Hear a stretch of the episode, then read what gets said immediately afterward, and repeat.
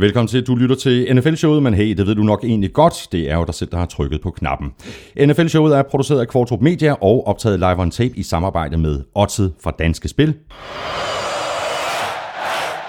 og Tafel.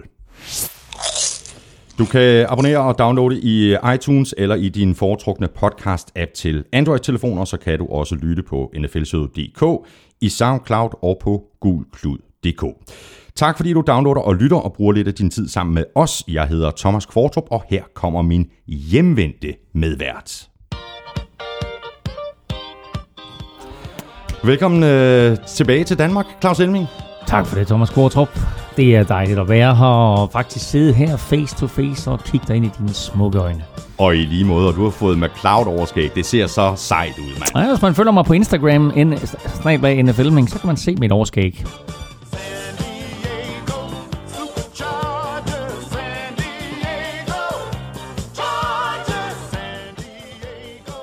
Superchargers, San Diego. Chargers. Jeg synes, vi skulle, øh, vi skulle øh, bruge den her øh, fight song, mens tid er. Ja, det var ikke så længe. Nej. Så øh, om øh, ganske få uger vel sagtens, så bliver hele baduljen pakket ned i San Diego og kørt sådan små to timer nordpå ja, hvis til de, Los Angeles. Ja, hvis de kan finde nogle flyttefirmaer, der gider flytte for dem, ja. fordi det så jeg faktisk i går, der foregås, at de, der var der ikke nogen, der ville røre ved. Nej, det er også vanvittigt projekt, det der. Ja, det er det. Nå, det kommer vi til at tale mere om, øh, Claus. Øh, velkommen hjem fra Brasilien. Har du haft en, havde du en god tur? Det var en vidunderlig tur, altså. Bare det der med at få lidt varme på kroppen her i, i januar, ikke? Og så kommer man hjem til Danmark og får nærmest kuldechok. Øh, men skønt, sjovt at, at holde nytår i Brasilien, og øh, i det hele taget bare de sidste 14 dage rundt i sådan 30-35 grader varme. Ja, ja. Men det har været øh, et par super dramatiske udsendelser, vi har lavet, mens du øh, var med på telefon. Øh, først der var det de alvorlige stolestyrs. Ja, hvordan, har... går det, hvordan går det med albuen? Ja, men altså albuen har det godt. Jeg har stadigvæk et, et, et ret stort ar øh, på, øh, på den øh, underste del af overarmen. Øh, ja, og så var jeg jo ved at dø i et voldsomt hostanfald. Det skal jeg øh, godt nok lige ja, love for. Du ja. har fået hostet af. Jamen, det tror jeg faktisk. Øh, altså, nu, nu er ikke, altså, det er ikke nogen som helst form for sponsor, det her, men, men det kan godt være, at vi skal betragte dem som sponsor til næste år, sådan i vinterhalvåret, fordi jeg kommer hjem øh, til, min, øh, til mine forældre. Jeg skulle til en fødselsdag, i familiefødselsdag i weekenden.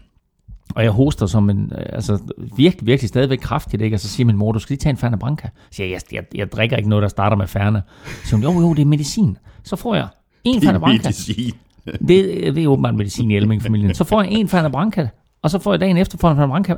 Nu er min hoste væk. Det er, da en, øh, det er et oplagt, øh, oplagt sponsorat til næste år. Medicin. Hvis I sidder derude, Fernet Branca lytter med. Det er pissebilligt at være med her. Men ved du, hvis du lige pakker øh, taffelchipsen ud, øh, Claus Elming, øh, som jeg går ud fra, at du har savnet, mens du er i Brasilien. Der har sikkert været masser af andre gode ting, men taffelchips, det var der vel ikke? Der var ingen taffelchips, og jeg har jo lyttet på hver uge, når det sådan, at du ligesom har haft gang i taffelposen her. Jeg tænkte, nej, nå. American Ranch, god start. Øh, chili banæs selvfølgelig. Ah, og prøv at du, jamen, du kredser for mig. To gange chili banase. To gange American Ranch. Ja, ja, ja. ja. Op, du. Men øh, jeg, skal om, øh, jeg skal omkring øh, tafel og, og have nogle nye, øh, nye gavepakker her til, til, til næste uge. Grill chicken. Ved du hvad, det her det er faktisk første gang, at, øh, at vi har flere poser chips, end der er NFL-hold tilbage. ja, det er ikke engang. Fem poser tilbage. Prøv, prøv lige NFL kan, kan du se, hvad jeg sidder med i hånden her? Det ligner sådan en første hjælpskasse. Det er fuldstændig korrekt. Det er simpelthen bare for en sikkerheds skyld, hvis der sker et eller andet i løbet af podcasten.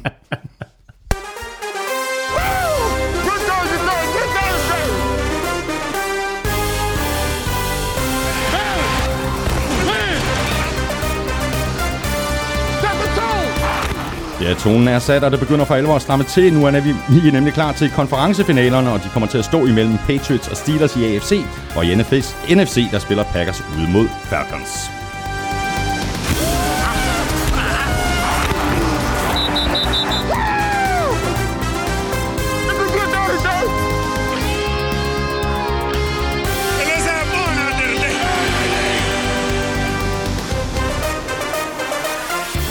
Vi ser nærmere på de fire divisional kampe, hvor nogle af dem var fuldstændig crazy, og så kigger vi selvfølgelig frem mod konferencefinalerne i den kommende weekend. Derudover der tager vi en omgang med trænerhyringer og Chargers, der er på vej mod LA. Det hedder Thomas Kvartrup, og med mig har jeg Claus Elming.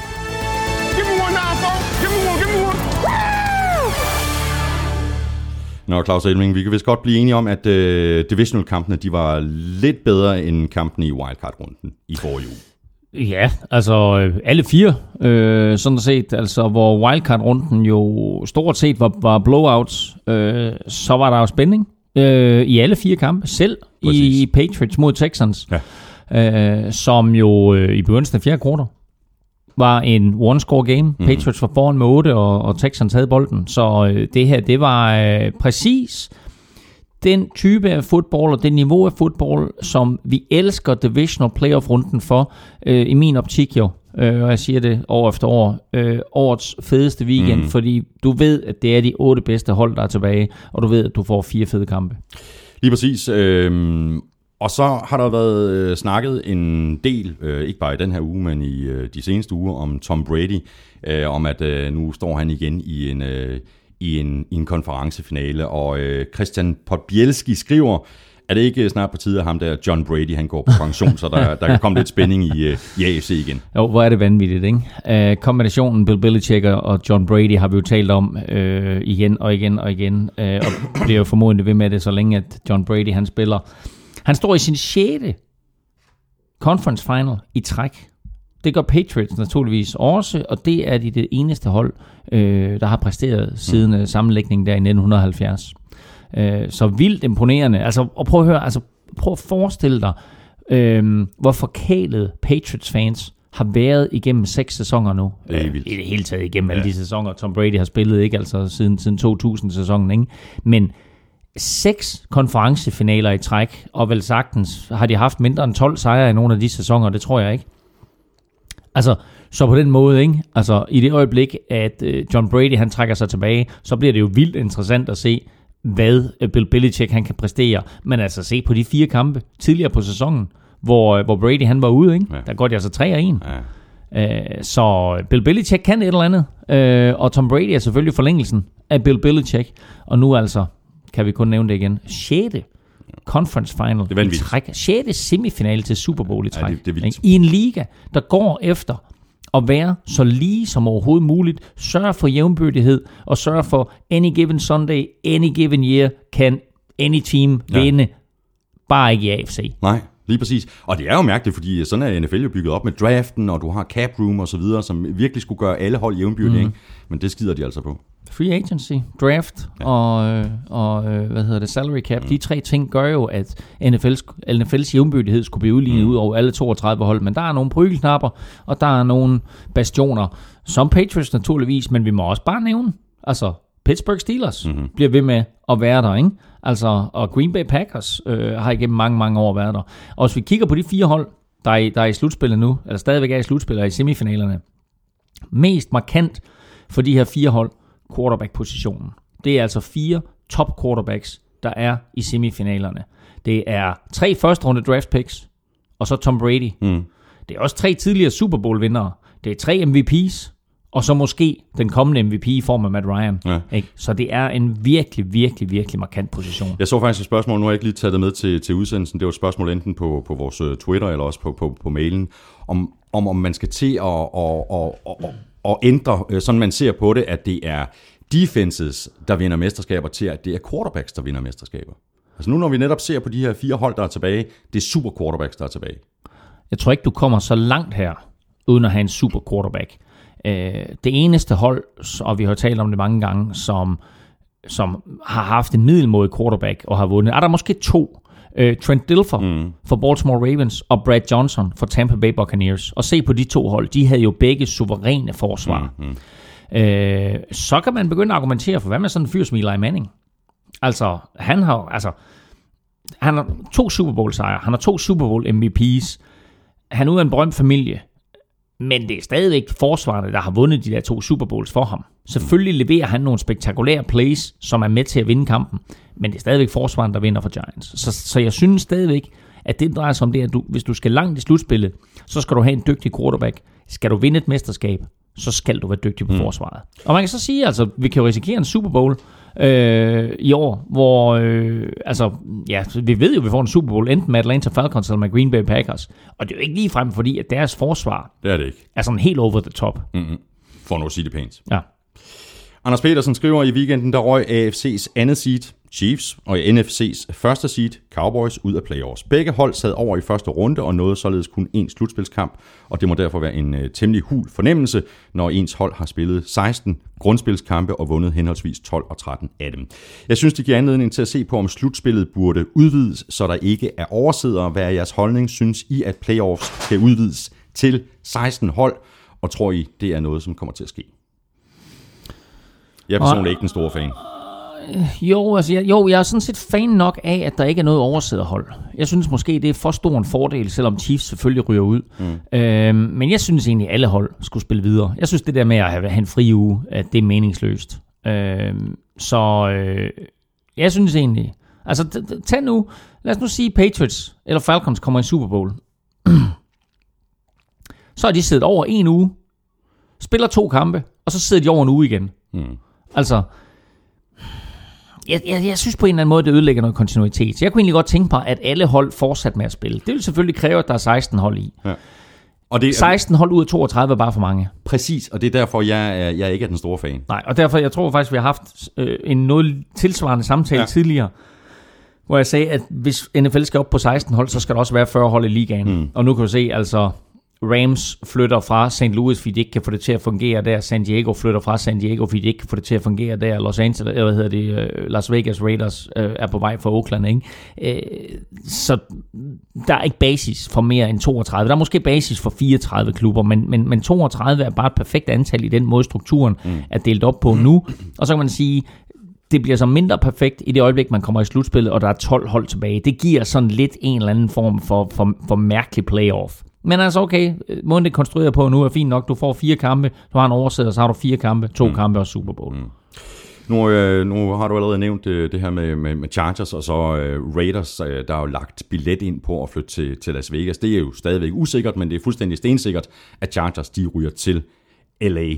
Øhm, og de i øvrigt skal dele øh, stadion med, med, med Rams. Øhm, ja, på sigt. Ja. ja. Øhm, hvad, hvad, hvad, hvad siger du til det her? Altså, øh, det er jo ikke ligefrem noget, der sådan er blevet taget specielt godt imod i San Diego og, og omegn, og heller ikke blandt øh, danske Chargers-fans. De er rigtig godt trætte af det. Og øh, Los Angeles er fuldstændig ligeglade. Hmm. Øh, Chargers-fans har siden den her udmelding kom fra ejer Dean Spanos øh, om, at øh, det var forrige torsdag, at øh, nu flyttede de altså Øh, nu var det endegyldigt farvel efter 56 sæsoner i San Diego. Man skal huske på, at, at uh, Chargers jo startede som Los Angeles Chargers, mm. spillede i 19...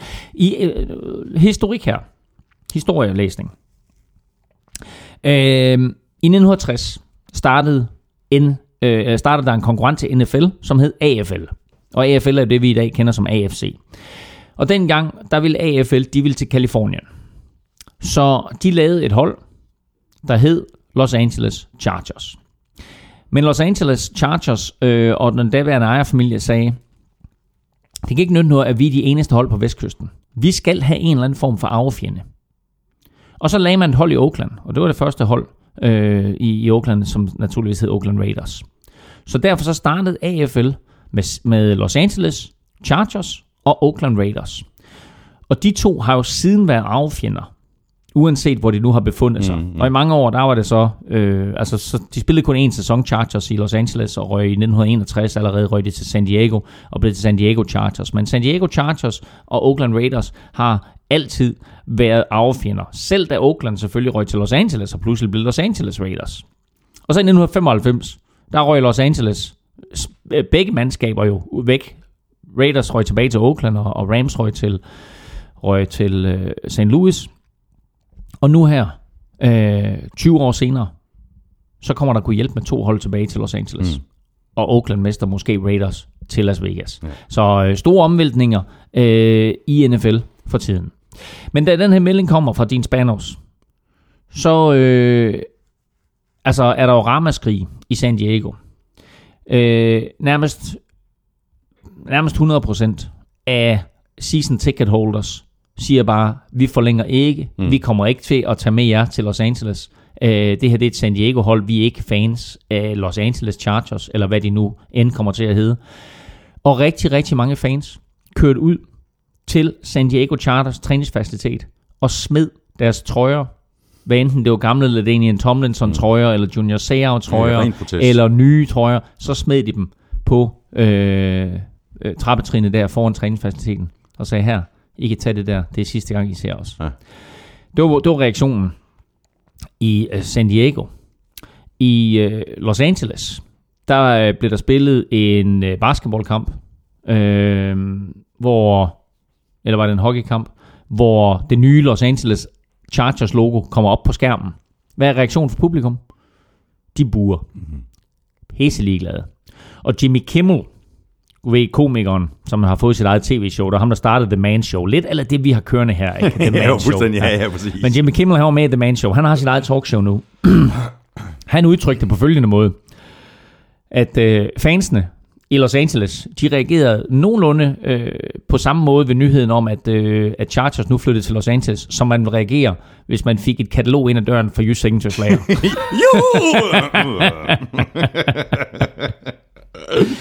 Øh, så det er reaktionen lige nu. Når det så er sagt, ja, det må spørge dig, hvad er din holdning til det? Øh, jeg synes, øh, øh, mest af alt, at jeg synes, det er synd for fansene. Mm. Øh, om øh, det kan blive bedre eller værre med to hold i LA end bare et. Altså der tænkte jeg faktisk, umiddelbart så tænkte jeg, okay, men hvis jeg lige prøver at tage, tage ja-hatten på, jamen så kan det måske øh, skabe nogle, nogle effekter, hvis der er to hold i byen, i stedet for kun et. Mm. Og det ved jeg ikke, om det kan. Altså. Nej. Og jeg ved ikke, om der er plads til det. Jeg ved ikke, om de gider. Altså det vi jo snakket om tidligere. Der er så mange andre ting, man kan, man kan få tiden til at gå med i, i LA, end at, at tage ja. til fodboldkamp. Ja, ja, og hvis du vil til fodbold, så har du to store colleges, ikke USC og UCLA, som der er rigtig mange, der heller vil støtte. Ja. Øh, NFL lavede nogle analyser, har lavet nogle analyser, øh, som kulminerede for cirka 4-5 år siden, hvor de på en eller anden måde fandt ud af, at øh, Los Angeles var fodboldklar igen, var klar til professionel fodbold igen, og at der faktisk var plads til to hold.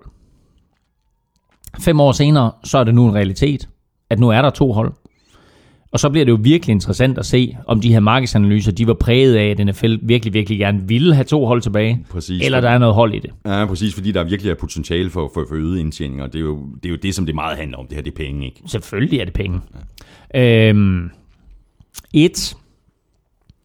Rams betalte NFL 550 millioner dollars for at få lov til at flytte. Det er minimumsbeløbet, som Chargers kommer til at betale. Der er faktisk tale om 650 millioner dollars. Det er vel at mærke penge, som Spanos-familien selv skal lægge. Spanos-familien kunne ikke få en stadion-deal igennem i San Diego, fordi de ville have skatteyderne til at betale for det. Mm. NFL vil give Spanos-familien og San Diego 300, de vil give dem det er ikke engang lån. Der er mange andre byer og fodboldklubber, som har fået lån til at bygge et stadion. Men NFL vil give Spanos-familien og San Diego 300 millioner dollars til at bygge et nyt stadion for at beholde Chargers i San Diego. 300 plus 650, det er 950 millioner dollars. Så var der allerede øh, skaffet 100-200 millioner dollars et andet sted fra. Så er vi på omkring 1,2 millioner dollars. Det her anlæg, som de vil bygge, det er 1,8 milliarder. Øh, eller ikke 1,2 millioner dollars, på 1,2 milliarder dollars. Det anlæg, de vil bygge, var 1,8 milliarder dollars. Det vil sige, at nu mangler der 600 millioner dollars. det er selvfølgelig et kæmpe, kæmpe, kæmpe beløb, men det er et helt andet beløb, end det, der var sat til afstemning i San Diego. Ja, præcis. Og det store beløb i den her sammenhæng, det er de der omkring 650 millioner dollars, som man forventer, Spanos-familien skal give for at flytte til Los Angeles. De har ikke været op og vende på noget tidspunkt. Og det er ikke sådan, så, så, så de har sagt, prøv at høre, de penge der, dem spytter vi selv i puljen. Spanos-familien har ikke på noget tidspunkt sagt, vi spytter os, øh, altså de her små 4 milliarder i puljen øh, selv, kroner vil jeg mærke. Øh, og det synes jeg bare er mærkeligt. Så, så på en eller anden måde, så har de gerne vil have et nyt stadion i San Diego, de har gerne vil blive der på en eller anden måde, og hele tiden, så har de spillet det her spil med, vi flytter til Los Angeles. Mm. Og her er grunden.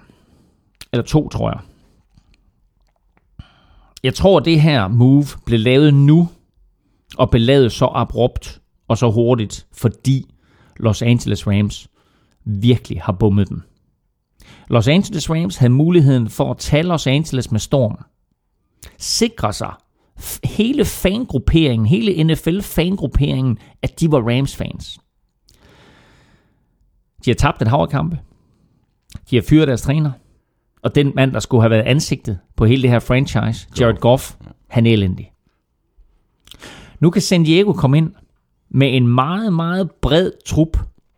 En talentfuld trup. Med Philip Rivers som quarterback. Mm. Med Melvin Gordon som running back. Med et slagkraftigt forsvar. Med 10 spillere, der kommer tilbage fra skadeslisten. Og gør det her San Diego-hold som vi jo egentlig synes har spillet rigtig, rigtig godt i sæsonen. Og ja. som har besejret Atlanta Falcons, vil jeg lige sige, i løbet af sæsonen. Yep, og som vi allerede har skudt på, virkelig kan blive gode næste år, hvis de kan undgå alle de her skader. Ikke? Forestil dig, at de kommer til Los Angeles. Mm. For hvad tæller i Los Angeles? Sejre. Sejre. Mm. Og så er det lige meget, om du spiller ishockey, basketball, college football eller NFL. Vinder du, så pludselig så har du fansene med dig. Det er sådan en what have you done for me lately by. Mm. Chargers kommer op med et meget, meget mere talentfuldt mandskab end Rams.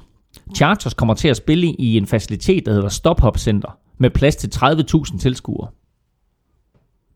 Så siger folk, at der er ikke nogen interesse. Det sted der, det kommer til at blive udsolgt hver evig eneste mm. uge. Og det kommer til at blive sådan en helt, helt unik facilitet, fordi det er jo langt, langt, langt det mindste stadion. Jeg kan godt forestille mig, at det bliver svært at få billetter. Chargers, de kommer op. Vinder de pludselig fire i træk. Vinder de fem i træk. Så begynder folk at sige, hey, vi skal lige ud og se Chargers spille, ikke? Vi skal lige ud og se Philip Rivers.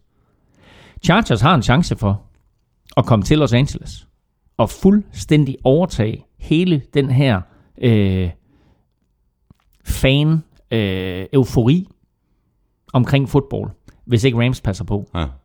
ja, men jeg tror, du har fuldstændig ret. Det tror jeg indgår i overvejelsen. Mm. Den anden ting, der var indgået i overvejelsen, det er, at øh, den seneste sportsklub, der blev solgt Los Angeles, det var LA Clippers. De blev solgt for 2 milliarder dollars.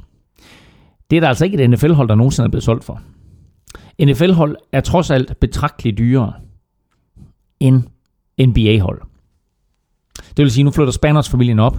De giver måske 650 millioner dollars. Den investering kan jo vise sig at være øh, måske 20% 15% af et eventuelt salg, hvis det ja, skulle komme. Ja. De kan godt risikere, eller risikere, de kan godt satse på at kunne sælge klubben for lad os sige 3 milliarder dollars. Et NFL-mandskab med succes i Los Angeles. Spanners-familien tænker udelukkende business It's og penge. all about the money. Og derfor så har de også sagt, vi er kede af det fans i San Diego, mm. vil meget, meget gerne tage hensyn til jer, men det er vores penge, det er vores forretning, det er vores investering, ja. det er vores fremtid. Uh, det tror jeg er nogle tanker, som ikke rigtig, synes jeg, jeg her har set på amerikanske medier heller ikke. Men det jeg tror det er nogle tanker, der er indgået mm. i Spanners-familien. Mathias Nyman skriver, øh, hvor meget badwill kan NFL tåle i USA, nu mm. hvor to store historiske franchises som San Diego og Oakland er ved at skide på deres lokale fanbase. Ja, altså Oakland har jo gjort det før. De har jo flyttet lidt frem og tilbage mellem Oakland og Los Angeles. Øh, og som jeg også har sagt mange gange, øh, efter jeg var i Oakland, for i år. Ikke? Det er et fedt sted at se fodbold. Og jeg synes, det er synd, og det er ærgerligt, hvis de flytter fra Oakland, for hold holde op, hvor er det et fedt sted at se fodbold. Øh, men de vil gerne Øh, de vil også gerne prøve at øh, optimere deres indtjening. Øh, om Las Vegas er det rigtige sted, det ved jeg ikke. Øh, om de bruger Las Vegas som løftestang til at få et nyt stadion i Oakland, det håber jeg lidt faktisk. Øh, Oakland Raiders har indtil øh, 20. februar, 25. februar tror jeg faktisk det er, øh, til at øh, aktivere den her, øh, eller til, til at, at sende en begæring ind om at flytte til, mm. til Las Vegas. Og nu må vi se, hvad der så sker der i februar. Jeg så, jeg så tweet med en, der, der sagde, at øh, hvis Raiders de rykker til, til Las Vegas, så skal de gå all in. Og så kan de kalde sig selv for Sin City Raiders. ja, ja. Øhm, nu kan vi snakke meget om det her, øh, fordi øh, sidste gang, at en, en, en klub ligesom øh, flyttede og rebrandede sig selv, øh, der er selvfølgelig altså, Cleveland Browns til, til Baltimore Ravens, men en anden klub, der gjorde det, var jo Houston Oilers. Hvor Cleveland Browns jo omgående skiftede navn til Baltimore Ravens. Så spillede Houston Oilers jo i Tennessee to sæsoner under navnet Tennessee Oilers. Men for ligesom at, at få fat i, i Tennessee-publikummet, som, som slet ikke købte den der, de spillede jo også i en lille facilitet, de spillede også på sådan 30.000 øh, personers stadion til at starte med. Øh, og inden, inden de så ligesom fik fat, øh, der valgte de så at rebrande sig selv og kalde sig selv for øh, Tennessee Titans. Mm. Og øh, derfra, øh, og så fik de sådan en større facilitet af deres eget stadion og så videre så. Ikke? Øh, så det bliver interessant også at se, hvad, hvad Chargers gør. Nu har de jo lavet et fuldstændig sprit nyt logo, øh, som folk også har taget lidt gas på og så videre. Øh, Los Angeles Chargers. Nu er spørgsmålet så, bliver de ved med at hedde Chargers? Jeg tror det, fordi de oprindeligt hed Chargers, ja, ja. og det fordi de oprindeligt lå i Los Angeles. Ja. Men man kunne godt forestille sig, at de vil rebrande sig selv og så sige, okay, vi skaber noget helt nyt og unikt for, øh, for Los Angeles. Så lad os tale uh, head coaches. Uh, Claus, Jaguars talte vi om i sidste uge med Doc Marone. Uh, og så har Chargers så hyret uh, Bills tidligere interim head coach og offensiv koordinator Anthony Lynn. Øh, og han kommer selvfølgelig på, på, på lidt af en opgave her med, med, med den her flytning oveni. Lidt ligesom Fischer gjorde øh, sidste år med, med, med flytning af Rams. Ja, Fischer klarede det jo ikke specielt godt, men han havde jo så nok heller ikke. Altså, Fischer, Fischer hang på vippen, inden de flyttede, det kan vi vist roligt sige. Øhm, men øh, Anthony Lynn kommer til øh, efter øh, at have fået, øh, haft succes i Buffalo og fået masser af fine ord med på vejen i Buffalo. Så kommer han til nu og, og skal styre det her hold.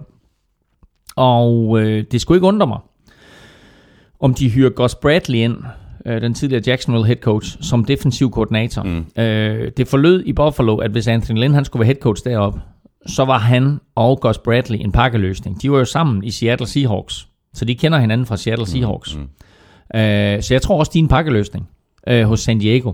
San Diego har haft andre inde til øh, samtale på defensiv koordinatorposten, øh, men som jeg lige kunne læse mig til, så var Gus Bradley faktisk på besøg i går, altså tirsdag. Altså interessant. Ja, og derfor så, jeg tror også, at der kommer en udmelding ud nu her om, at, mm. at han med, med stor sandsynlighed bliver, bliver defensiv koordinator. Og så har du altså, øh, så kan du sige, så har du nærmest to head coaches, jo Gus Bradley med erfaring fra, fra Jacksonville, hvor han selvfølgelig ikke har haft den succes, han havde håbet på, men trods alt i den position, hvor han havde succes, for Seattle Seahawks, nemlig med fokus og ansvar for forsvaret. Og så har du Anthony Lynn, som kommer ind øh, og har gjort det rigtig, rigtig godt med en anden type angreb selvfølgelig i Buffalo, end det han får i San Diego. Men øh, trods alt en, en mand, som øh, har ry for at være god til at håndtere personale øh, og være innovativ mm. øh, som offensiv øh, hjerne. Øh, så meget, meget spændende, hvad der sker i San Diego på den front. Undskyld, mm. Los Angeles. det skal vi også lige vende os til. Ja, og vi skal jo lige, apropos det, Anthony Lynn på sin første officielle pressekonference, ja, ja, der... stiller han sig op, ikke? ja. og så siger han, Hey everybody, I'm so uh, thankful, I'm so grateful for being the head coach of the San Diego, uh, uh, Los Angeles uh, Chargers. Uh, oops, uh, sorry about that one. oh, det er pinligt, ikke? Ja, det er det. Uh, en anden klub, uh, der jo dybest set har uh, to head coaches, uh, det er jo så det har Rams, uh, ja. har hyret uh, Sean McVay, der kommer til fra, fra Redskins, og bliver den yngste cheftræner nogensinde. 30 år gammel. 30 år gammel. Ja. Så har de så... Altså det er 8 år siden, han er gået ud af college. ja, det er, det er helt åndssvagt. Det er 8 år siden, han er gået ud af college. Ja. Ja. Til gengæld har de så hentet Wade Phillips fra Broncos ja. som defensiv ja. koordinator. Ja. Vi troede jo faktisk, at Wade Phillips ville blive hængende i Broncos. Det gjorde han så ikke. Så, så det går vel lige op, ikke? Så har de vel en gennemsnitsalder på det ved jeg ikke, hvad er Wade Phillips, 100, 110 eller sådan noget? Nej, han, der, der omkring ikke, ja, ja, så de får sådan en gennemsnitsalder på omkring 65. Yeah. Øh, Ja, det, det, det er klogt. Det er klogt. Øh, også fordi Rams jo har et rigtig, rigtig godt forsvar. Øh, de har masser af talent på det forsvar. Og hvis der er nogen, der kan modellere det til at blive endnu bedre og endnu mere effektivt, og måske spille med lidt mere disciplin, end de har gjort, ja. så er det Wade Phillips. Ja. Øh, altså se, hvad han gjorde. Tænk sig. Wade Phillips kommer jo kun ind, fordi øh, Vance Joseph, som nu, altså igen, historie, går nok ikke så lang tid tilbage, men jeg skal, altså have, jeg skal få sådan Broncos, hyggemusik er det, til sådan de historierne. Ikke? Da, da, da, da. Ja. Øh, da Broncos hyrer Gary Kubiak, der vil de jo gerne have Vance Joseph som defensiv koordinator. Altså ham, der nu er blevet head coach for dem. Mm. Men han siger nej tak. Og så hiver de Wade Phillips ind. Og Wade Phillips har jo i den grad sat skik på Broncos forsvar. Og hvis vi talte om sidste år, hvilken træner det var, der vandt Super Bowl, så snakker vi ikke om de to head coaches. Så snakker vi om, at det var Wade Phillips og det, han havde gjort med Broncos forsvar. Præcis. Nu er Vance Joseph så kommet ind og blevet head coach. Og derfor var det naturligt, at Wade Phillips ikke kunne fortsætte. Fordi nu kommer Vance Joseph til at sætte sit præg på det forsvar der, og vil gøre det, han vil. Og derfor så var det klart, at så skulle Wade Phillips videre. Men hvilket andet bedre sted for ham, end at komme til Los Angeles. Få lidt sol på næsen i en sen alder, og så få lov til at lege med øh, Aaron Donald og Alec Ogletree ja, ja, og alle de andre, de har derude. Ikke? Ja, jo. Jamen så lad os bare øh, nappe øh, Broncos nu øh, med, med Vance øh, Joseph. Øh, vi gætter jo ellers på, at, øh, at Kyle Shanahan øh, var et oplagt bud til at, at følge farmands Ham kommer øh, vi tilbage til. Ja. ja. Øh, og han kommer til at følge farmands fodspor. Ja, det kan ja. man selvfølgelig godt ja, sige. Ja. Fordi han lander sandsynligvis... Øh, I 49ers. Ja, præcis. Øh, det er der rigtig meget, der tyder på lige nu. Øh, selvom der godt nok komme en lidt underlig historie ud i, i, i forgårs, øh, hvor jeg læste, at, øh, at 49ers de hellere ville have haft Josh McDaniels, altså den offensive koordinator ja. fra, fra, fra Patriots. Det, var så kommet, det, det kom simpelthen ud som sådan en rapport om, at øh, McDaniels han kunne bare have fået jobbet, hvis han bare ville have haft det. Og det undrer mig, at den historie den overhovedet bliver lækket, fordi altså, Kyle Shanahan har jo ikke sagt ja tak endnu. Uh, han kan jo ikke sige, sige ja tak endnu. Uh, men hvordan er det lige, det skal få ham til at føle, at, uh, at, at, at mine nye arbejdsgiver, de ville egentlig hellere have haft uh, Josh McDaniels, men nu kan jeg få lov? Altså, jeg må indrømme, øh, at det er dig, der har fortalt mig den der historie der med Josh McDaniels. Jeg har ikke selv set den. Mm. Jeg har bare set, at Josh McDaniels, han sagde, at han ikke, øh, at han følte, at det bedste for ham var at blive Præcis. i New England. Øh, han følte, det var bedst for ham og for hans familie. Jeg har ikke set det der med, at Fort Niners decideret har meldt ud, at det var Det ham, har de heller ikke, det er blevet lækket. Det har været sådan Ja, ja, okay. en, øh, det er sådan en Nå sladder, ja, okay. en sladrapport, ja, det er ikke? klart, de ikke selv har meldt det ud. Men, øh, jeg har bare ikke set det. Øh, til gengæld så var der to fyre i spil. Det var Tom Cable, den tidligere Oakland Raiders head coach, mm. øh, som nu er offensive line coach i Seattle Seahawks. Og så kan man, så kan man sige, øh, så viser det jo bare, at du behøver ikke nødvendigvis have succes med din enhed, for at, øh, at du øh, er øh, potentielt head coach emne.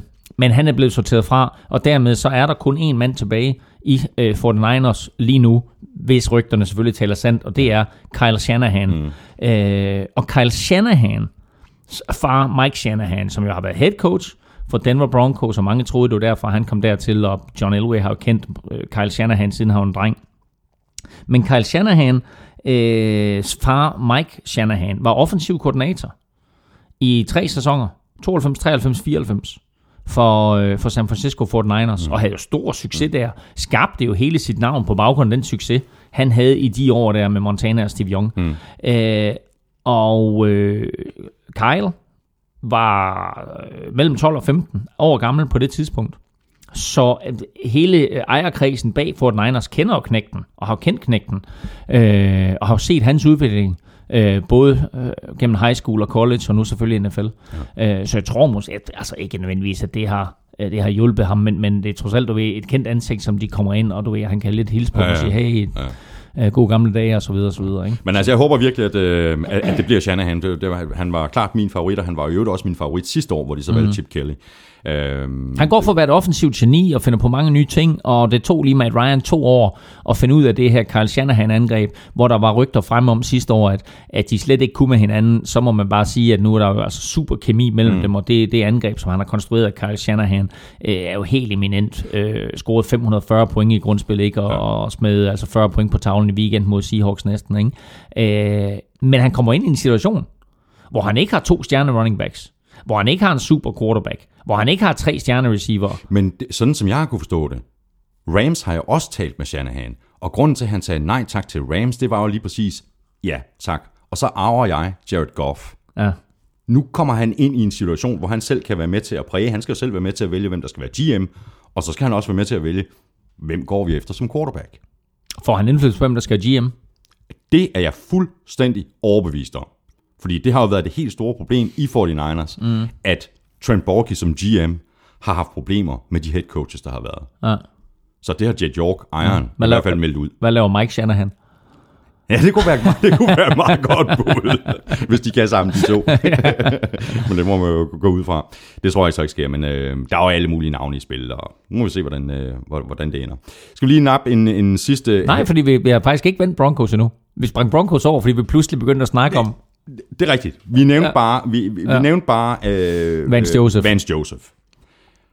Har du nogle flere? Der er jo sket, der, der er jo skiftet ud, øh, både, både på den ene og den anden og den tredje øh, position som, som, som coaches jo. Ja, fordi øh, hvem er det, de har hævet ind? Øh, de har jo hævet ind både på, øh, på øh, offensiv koordinator og på quarterbacks coach. De har fået Bill Musgrave ind. Mm-hmm. Og hvem var den anden? De hævede ind fra, øh, fra Oakland Mike, Raiders. McCoy, Mike McCoy? Mike McCoy, hold op, de hævde Mike McCoy ind jo. Ja. fra San Diego.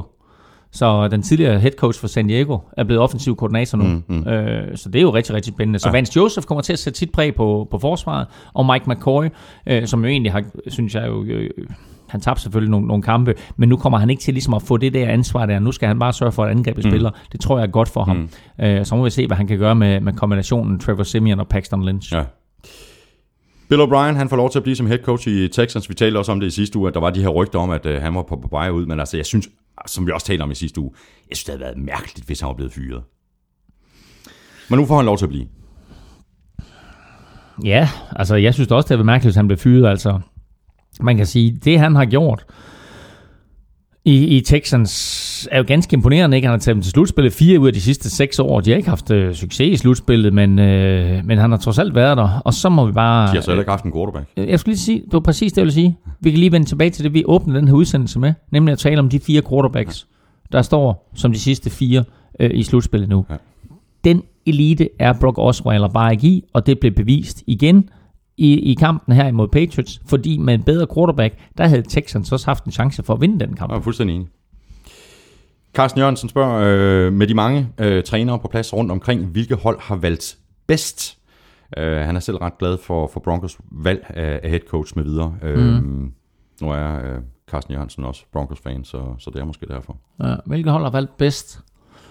Øh, Altså, altså, jeg vil lige ved at sige Chargers jo.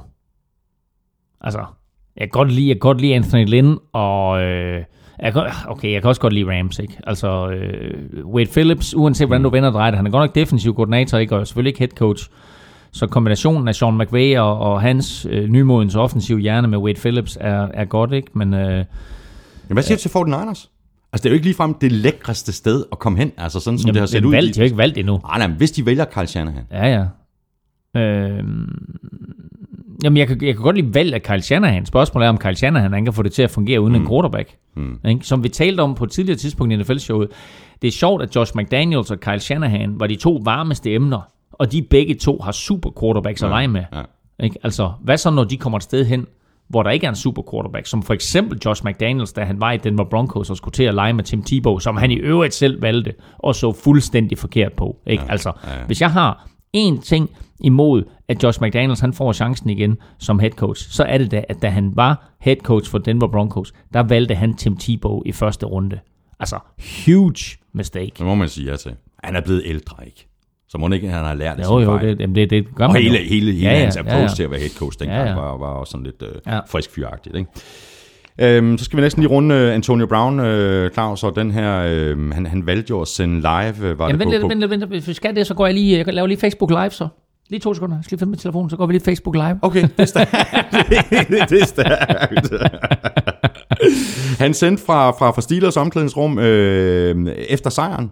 Øh, og det er så ikke blevet taget så vel imod. Øh, man kunne blandt andet høre Mike Tomlin øh, varme op til, at øh, nu, skulle de, øh, nu skulle de give øh, Patriots øh, tæv, ikke? Og plus, at han kaldte Patriots for assholes. Ja. Og det er jo det... Der var flere grimme ord. Ja, men, men det, var, det var det væsentlige. Han sagde, those assholes, bla bla bla bla. bla. Mm. Øh, og det der var selvfølgelig det, som blev bragt op i medierne. Mike Tomlin kalder Patriots for assholes. Prøv at høre. Alle ved, at alle trænere, alle spillere kalder alle andre for assholes. Men det er bare ikke ude i offentligheden. Mm.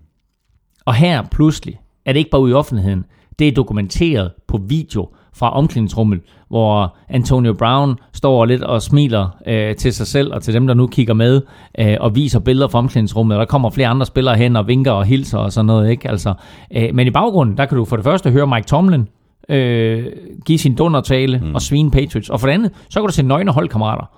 Jeg er ikke helt sikker på, at de der nøgne holdkammerater, de synes, det er skide fedt at komme ud på, på Antonio Browns uh, Facebook Live, og så kan folk gå ind og klikke, ah, okay, lille diller, du har der, var. Men en, der i hvert fald er ligeglad med det her, det er Belichick. Du ved godt, hvad han, han, han har sådan ligesom et, et, ja, okay. et, et ret afslappet forhold til, ja. til, hvad han kalder snapface og, og instant chat. og sig, sig, sig, hvad du vil sige, og så skal jeg sige dig min holdning til det der. Jeg, jeg siger bare, at jeg, jeg, han er i hvert fald fuldstændig ligeglad med, hvordan Mike Tomlin står og, og taler om Patriots øh, før den her kamp. Det er da, det er da kun øh, med til at sådan sige, at det er godt nok, jamen så, øh, så velkommen til. Øh, vi glæder os til at møde jer. Nu skal du høre her. Jeg tror, du tager fuldstændig fejl. Han tager det der, og så bruger han det i hver evig eneste træning hele ugen. Han kommer til at bruge det i sin pep talk lørdag, og han kommer til at bruge det i sin pep talk søndag. Det her, det er et hold, vi skal møde nu, der kalder os for assholes. Mm. Han kommer til at tage de der ting der, og så kommer han til at blive ved med at punke sine spillere omkring, hvad Mike Tomlin han har sagt, og hvordan Steelers har det, og det bliver en motivationsfaktor for dem hele ugen. Those assholes just called us assholes. Præcis, sådan noget lignende, ikke? Skal vi lige øh, nappe et par ting fra sidste uge, øh, som vi lige kan runde igen. Øh, der var spørgsmålet fra Lars Elgård, øh, der gik på, hvordan øh, dommernes numre bliver tildelt, og som vi også var inde på i sidste uge, uden at være helt sikre på det, øh, så bliver de her numre tildelt tilfældigt. Jeg har været inde og læse op på det, mm. øh, og som du sagde, øh, så har øh, dommerne de her numre primært øh, for, at man så lynhurtigt kan kunne øh, genkende, hvilke dommer, øh, der har stået hvor på banen, og så man kan gå ind og læse deres øh, personlige stats efter. Præcis. I sidste uge, øh, der spurgte øh, Jakob Bløn, om hittet på Jordan Nielsen i kampen mod Giants var ulovligt. Det var det hit, hvor Jordan Nielsen så, øh, hvor han, han brækkede flere, flere ribben. Øh, du sagde, Claus, at hittet var lovligt, og det har så fået flere til at reagere, både på mailen og på Twitter. De mener, at hittet var ulovligt, fordi der blev taklet med toppen af hjelmen. Mm. Og jeg har godt set mange, øh, der har skrevet til mig på Twitter, og tak for det. Øh, og jeg har godt set mange, der har reageret på, at jeg sagde, at hittet var lovligt. Nu har jeg set det igennem igen og igen og igen. Og efter min bedste overbevisning, så kommer Giants-spilleren ind med fuld skrald og rammer med den del af hjelmen, som ligger lige omkring facemasken, og måske de første 5-8 cm deroppe over. Mm. Han rammer ikke med toppen af hjelmen. Han rammer med den, og det går simpelthen så stærkt, så da han kommer ind, der rammer han sådan set med facemasken, og så glider han hjelmen måske lige ned og rammer med de der 5-8 cm op over facemasken. Han rammer ikke med toppen af hjelmen. Det er ikke det, jeg vil kalde spearing, og jeg ved godt, at Mike Pereira, som er tidligere overdommer i NFL, mm. har været at sige, at det var et ulovligt hit. Jeg er fuldstændig uenig. Det der, det går så stærkt, og det er fint nok, at man kan sidde bagefter øh, og finde et stillbillede øh, i det, hele den her situation, hvor han måske er op og nærmer sig toppen af hjelmen. Det der hit er i min optik et suverænt godt timet hit, hårdt, brutalt, fuldstændig som fodbold skal spilles, at Jordan Nelson brækker to ribben, det er uheldigt, men det er set før, når en receiver går op og løfter armene på den måde og bliver ramt øh, i ribbenene. Jeg synes, hittet er, er øh, fint, jeg synes, det er godt, jeg synes, det er lovligt, og jeg ved godt, at der, der vil være mange, inklusive Mike Pereira, der er mm, uenige med mm. mig. Det er vi fuldstændig ligeglade med. Sådan. Her på showet. Sådan, ja det er I hvert fald med Mike Pereira. Mike Pereira, ja, ikke? Altså. hallo. Ja.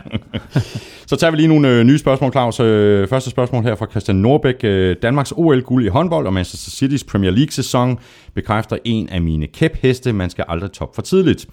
Giants har øh, med sine seneste Super Bowl sejre bekræftet det, og i år er Green Bay på vej til at gøre det samme. Måske toppede Cowboys for tidligt. Mit spørgsmål er, er det noget, som træneren bør tage højde for, når sæsonen planlægges, og kan man det? Altså simpelthen at arbejde hen imod og top på det rigtige tidspunkt. Det er eddermame svært, ikke? Jo, jo, men altså vi taler om det. Det drejer sig om at spille godt i december. Og øh, hvis du ser på Patriots i år, de vidste, at Brady han var ude i fire uger. Så det, det, det, var, det var de påtvungne.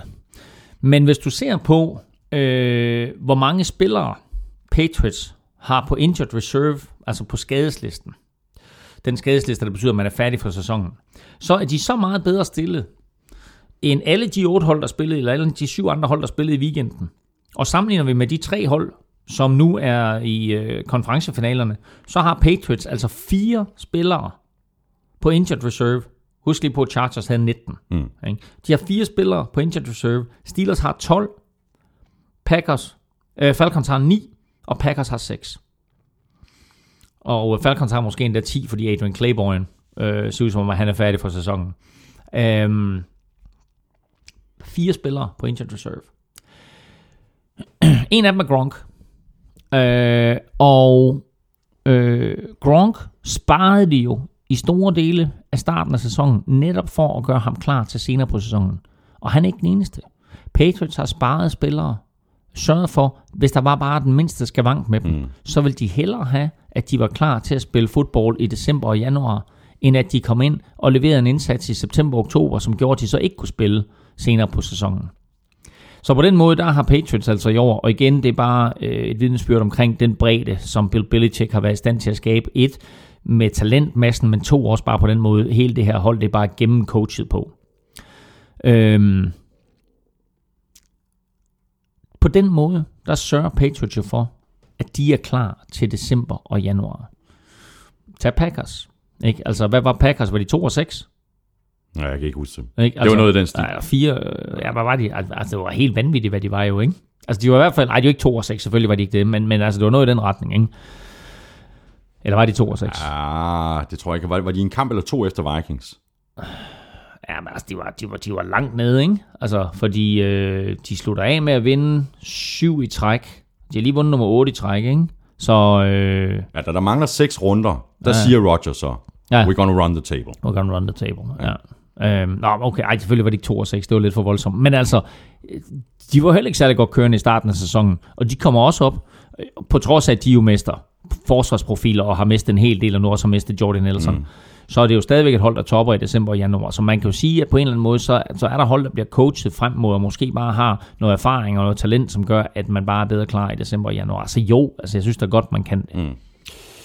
Kasper Rosbjerg øh, spørger, hvilke hold i denne sæson, som endte uden for playoff, har ifølge jer størst chance for at komme i playoff næste år? Chargers har vi talt om. Mm. Dem, dem vil jeg gerne holde fast i. Chargers. Titans. Øh, Titans. Redskins var så tæt på. Redskins her. Øh, Vikings, hvis, øh, hvis de kan få rettet op på den O-line, og Altså, Vikings har, Vikings har jo øh, præcis den type mandskab, som man skal have for at komme i slutspil, nemlig et godt forsvar og, og et øh, OK angreb. Øh, og får de rettet op på den offensive linje, og får de en playmaker eller to mere ind. Øh, spændende at se, hvad der sker med Adrian Peterson. Øh, så tror jeg da også på, at de har en chance. Mm. Så øh, ja. Hvad med, hvad med Eagles? De spillede jo, øh, de toppede så ikke på det rigtige tidspunkt, kan man sige. Men altså... de men, toppede de første tre kampe. Ja, Jamen men altså, der er tegning til ja. noget, ikke? Og, og et år mere til, til, til, til Wentz. giv Carson Wentz en playmaker eller to på receiverpladsen. Mm. Og øh, så er de bestemt også farlige. Rasmus Smedegaard øh, Men spørger... skal, hvis vi skal vælge, altså vælge en for hver konference, ikke? Al- al- Altså, lad os sige Chargers Titans, og hvem mere havde du? Redskins. Ja, de ligger i en svær division, ikke? Jo, det gør de. Ja. Bucks? Box er også et godt bud. Buccaneers? Så har vi et spørgsmål her fra øh, Rasmus Smedegaard. Kan vi få en øh, top 5 starter slash backup quarterback kombi for hele ligaen? Øh, backups har efter min mening spillet en stor rolle i år. Øh, vi, kan, vi kan godt øh, tage, den, øh, tage den bedste af dem alle sammen, ikke? Dak Romo. Altså, Dak Prescott og Tony Romo er ubetinget øh, den bedste duo øh, lige nu, ikke? Den bliver så selvfølgelig skilt ad. Ja. Øhm, hvem har vi mere? Tannehill og Matt Moore. Et bud. Ja, Tannehill og Matt Moore er klart, de er, altså den måde, som Matt Moore han kom ind og overtog for Tannehill på, man kan så sige, at, at niveauet på de to måske ikke er, er specielt højt. Så har du selvfølgelig, øh, eller det, det, det er faktisk blevet, ikke? Altså det er jo faktisk under, øh, under Adam Gaze er niveauet jo faktisk også steget for de to quarterbacks. Så har du selvfølgelig Tom Brady, øh, og, og så Garoppolo. Jimmy Garoppolo. Ja. Øh, altså den måde Garoppolo spillede, inden han blev skadet, gør jo rent faktisk, at øh, Patriots har mulighed for at trade ham nu her. Mm. De håber på faktisk at få et første rundevalg for ham. Så interessant at se, øh, hvad der sker med det. Øh, så må man jo sige, øh, altså Big Ben er selvfølgelig Mr. Steelers, men den ene kamp, som Landry Jones spillede, som i øvrigt var imod New England Patriots i år, Mm. der gjorde han det faktisk rigtig, rigtig godt. Og, og markant bedre, end han gjorde sidste år, hvor han også var inde og afløse Big Ben i flere kampe. Han, øh, han, han har haft godt af at få noget mere træning mm. og, øh, og, og blive mere komfortabel med hele systemet. Så jeg synes faktisk også, at det er en okay kombination. Hvad med Bears? Nu, dem bliver så også brudt med, med, med Kotler og, og Højre. Jeg vil sige, at deres backup quarterback er god. øh, ja, så er der måske Carolina Panthers, altså Cam Newton, Ja. øh, med Derek Anderson som backup, Mm. mm. øh, er også okay. Men så synes jeg, der er lidt langt mellem snapsene der. Var det, var det ikke en top 5? Det var en klassisk top 5 for vores, Ja, var det ikke- vores side. jeg Det var tror- 6, 6 7, 8 stykker. Ah, jeg tror, var der mere end 5-6 stykker? Ja, det må vi lige til efter, okay. når, vi, når vi lytter efter. Ja. To øh, hurtige spørgsmål, inden vi, vi går videre. Henrik er Ketting. Øh, har man overvejet at have en øh, chip i bolden, som i øh, fodbold, så man hurtigt kan vurdere, om bolden er over, over goal line? Den skal jo så ikke over goal line, den skal bare, skal bare markere, eller bare, bare røre, ja. øh, goal line. Øh, nej, det tror jeg det ikke, så- ikke så vidt jeg har hørt. Det har man ikke. Øh, men man kan da godt undre sig over, at med al den elektronik, der bliver brugt i NFL, at de stadigvæk kan køre chain gang, mm. øh, om det er for syns skyld. Øh, det forestiller mig lidt, det er. Øh, Og det kan vel også være i hensyn til, til, til publikum på stadion. Jo, jo, rent så, fysisk kan vise ja, jamen, så, så kan du markere det, men du er altså, at, at de lige frem skal løbe ind, og så stille den der kæde der, ikke? Altså, og så er, der, så er der lige et led, som har viklet sig ind i et andet led, og, og så videre, ikke? Altså, du er, det er måske lidt, så, så med al den elektronik, der er, der kunne man godt forestille sig, at man kunne sætte en eller anden form for lasermåling op, mm. både der, hvor første dagmarkeringen var, og der, hvor mållinjerne er. Carsten Jørgensen øh, spørger, hvordan kan det være, at nogle spillere har sort visir, øh, og andre spiller uden? Jamen, jeg tror egentlig, det er en øh, skræmmefaktor. Øh, der er nogen, det er lidt ligesom, når man sidder og spiller poker, der er nogen, der sidder og spiller med solbriller. Øh, man skal ikke kunne se, hvad der foregår inde bagved. Og øh, Det kan for eksempel være en fordel, at, at forsvaret simpelthen ikke kan se, jamen, hvor er det, jeg kigger hen. Øh, vil, jeg, vil jeg løbe Ja. den der vej, eller vil jeg løbe den anden vej? Ikke? altså jeg vil sige, at, at se ind i øjnene på James Harrison, det er skræmmende. Se ind i et sort visir og vide, at de der øjne, de er inde bagved, det må være virkelig, virkelig skræmmende. Vi skal have quizzen! Oh. Det er tid til quiz, quiz, quiz, quiz, quiz.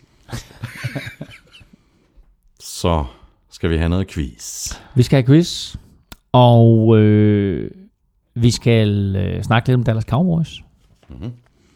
som øh, jo tabte på hjemmebane i weekenden, på trods af, at de var første seed i NFC. De har faktisk ikke været i NFC-konferencefinalen siden 1995. Det er 22 år. Der er kun to andre NFC-hold, der ikke har været i konferencefinalen i NFC i den tid. Hvem? To andre hold fra NFC.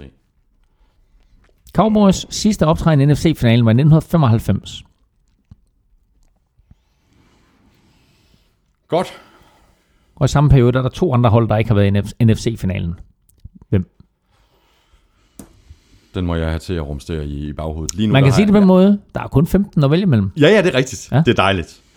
Så øh, skal vi have, øh, hvor har jeg nu gjort af det? Nu har jeg rodet rundt i pap- papirerne her, fordi jeg har skrevet på nogle papirer. Vi skal have fat på Dick-quizzen fra Amstrup. Hvordan kan den forsvinde? Dick-quizzen fra Amstrup, er det dig, der har stjålet? Nej, Papiret. dog ikke. Er det ikke den, der ligger øverst? der? Sådan Der var den. Her kommer ugens ja. Dick-quiz fra Amstrup. Ingen var sejre i Georgia end Matty Ice, åd og åd og åd af sin Seahawks slice.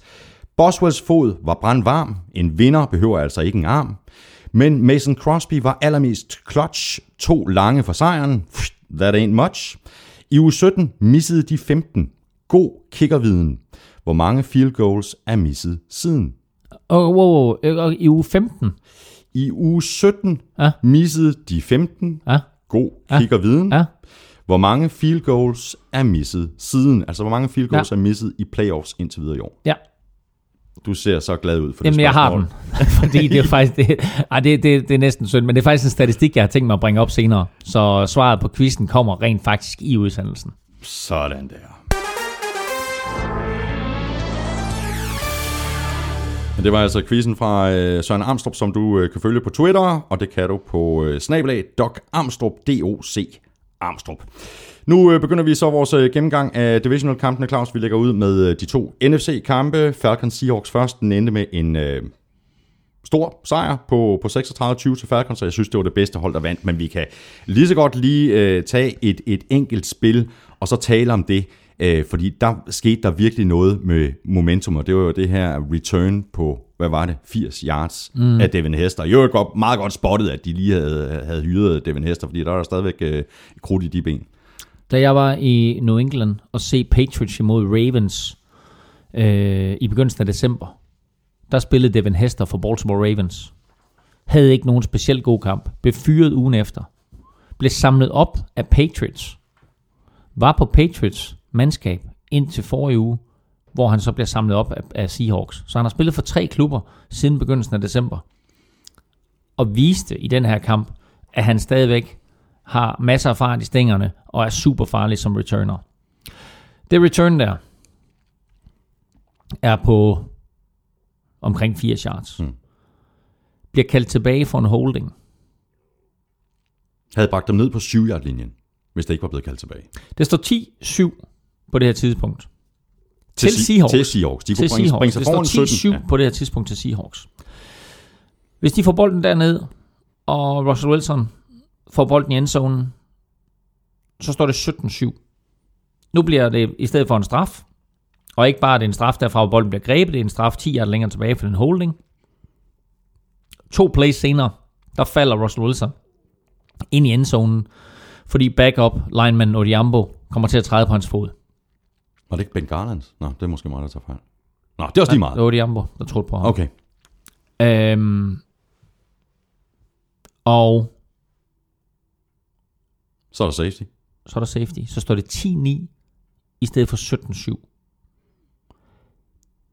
Den serie af plays, tre plays eller meget det er, jo så markant for hele det her opgør. Nej, det er det. Det er helt vildt. Ja. Og så skal de jo ponde efter safety. Så scorer Falcons field goal, så vidt jeg husker. Mm. Derefter et touchdown. Mm. Og for at det ikke skal være løgn, så starter de anden halvleg også med et touchdown. Mm. Men altså, det, det, det spil der, det Devin Hester return, der bliver kaldt tilbage, som så ender med en, med en safety, Mm. det er super, super, super vigtigt øh, for, for, for den her kamp. Ja, det er det. Øh, man kan så sige, hvis og hvis og hvis, var det blevet 17-7, måske. Var det blevet 13-7, måske. Øh, havde Falcons kommet tilbage, måske. Altså det her Falcons angreb kan ikke holdes nede. Mm. Øh, de står, kampen ender jo det sidste play. Der tager Falcons jo knæ på 1 linjen Hvis de ikke gør det, hvis de hammer bolden ind, så smider de altså over 40 point på tavlen imod det forsvar, der har været NFL's bedste gennem de sidste fem år. Altså, det er en magtdemonstration, Ja. der vil noget. Mm. De har 422 yards i den her kamp. Tevin Coleman, Devonta Freeman, Julio Jones, Mohamed Sanu, og selvfølgelig hele balladen anført af Matt Ryan. Ja. Efter en giftig start af Seahawks, så var de jo ustoppelige. Nej, det var det. Matt Ryan, øh, 26 completions på, på 37 kast øh, for 338 yards og, og, og, og tre touchdowns. Øh, og de her touchdown drives, som de fyrede af, Falcons, de var på 99 yards, 75, 75 og 54. Øh, han ramte otte forskellige mål, og han sluttede med en passer rating på, hvad var det, 125,7. Øhm, nu mistede Seahawks så også cornerback øh, til Sean Shad, og var i forvejen uden øh, Earl Thomas, og det er selvfølgelig en del af forklaringen, men en anden del af forklaringen er bare, at det her Falcons angreb er bare monster. Jeg glæder mig allerede til den her, det her shootout, som det sagtens kan blive øh, øh mod Packers i, i, i den kommende weekend. Ja, og øh, apropos det, så er så er, har bookmakerne aldrig nogensinde sat så høj en over under. Øh, det vil sige, altså hvor mange point bliver der scoret, og den ligger på 60,5. Wow! Ikke? Altså så, så 30 point i snit fra de to mandskaber. Øh, meget, meget højt. Og ja. øh, de fleste øh, øh, eksperter anbefaler, at man spiller på over Ja. 60,5. Ikke? Og også fordi begge angreb er så gode, men også fordi deres forsvar, som vi har talt om, ikke er specielt gode. Ja, altså, øh, og også fordi øh, de, de mødtes jo tidligere i sæsonen. Øh, og der endte kampen 33-32 til Falcons over Packers. Matt Ryan og Aaron Rodgers kastede syv touchdowns og 0 interceptions til sammen.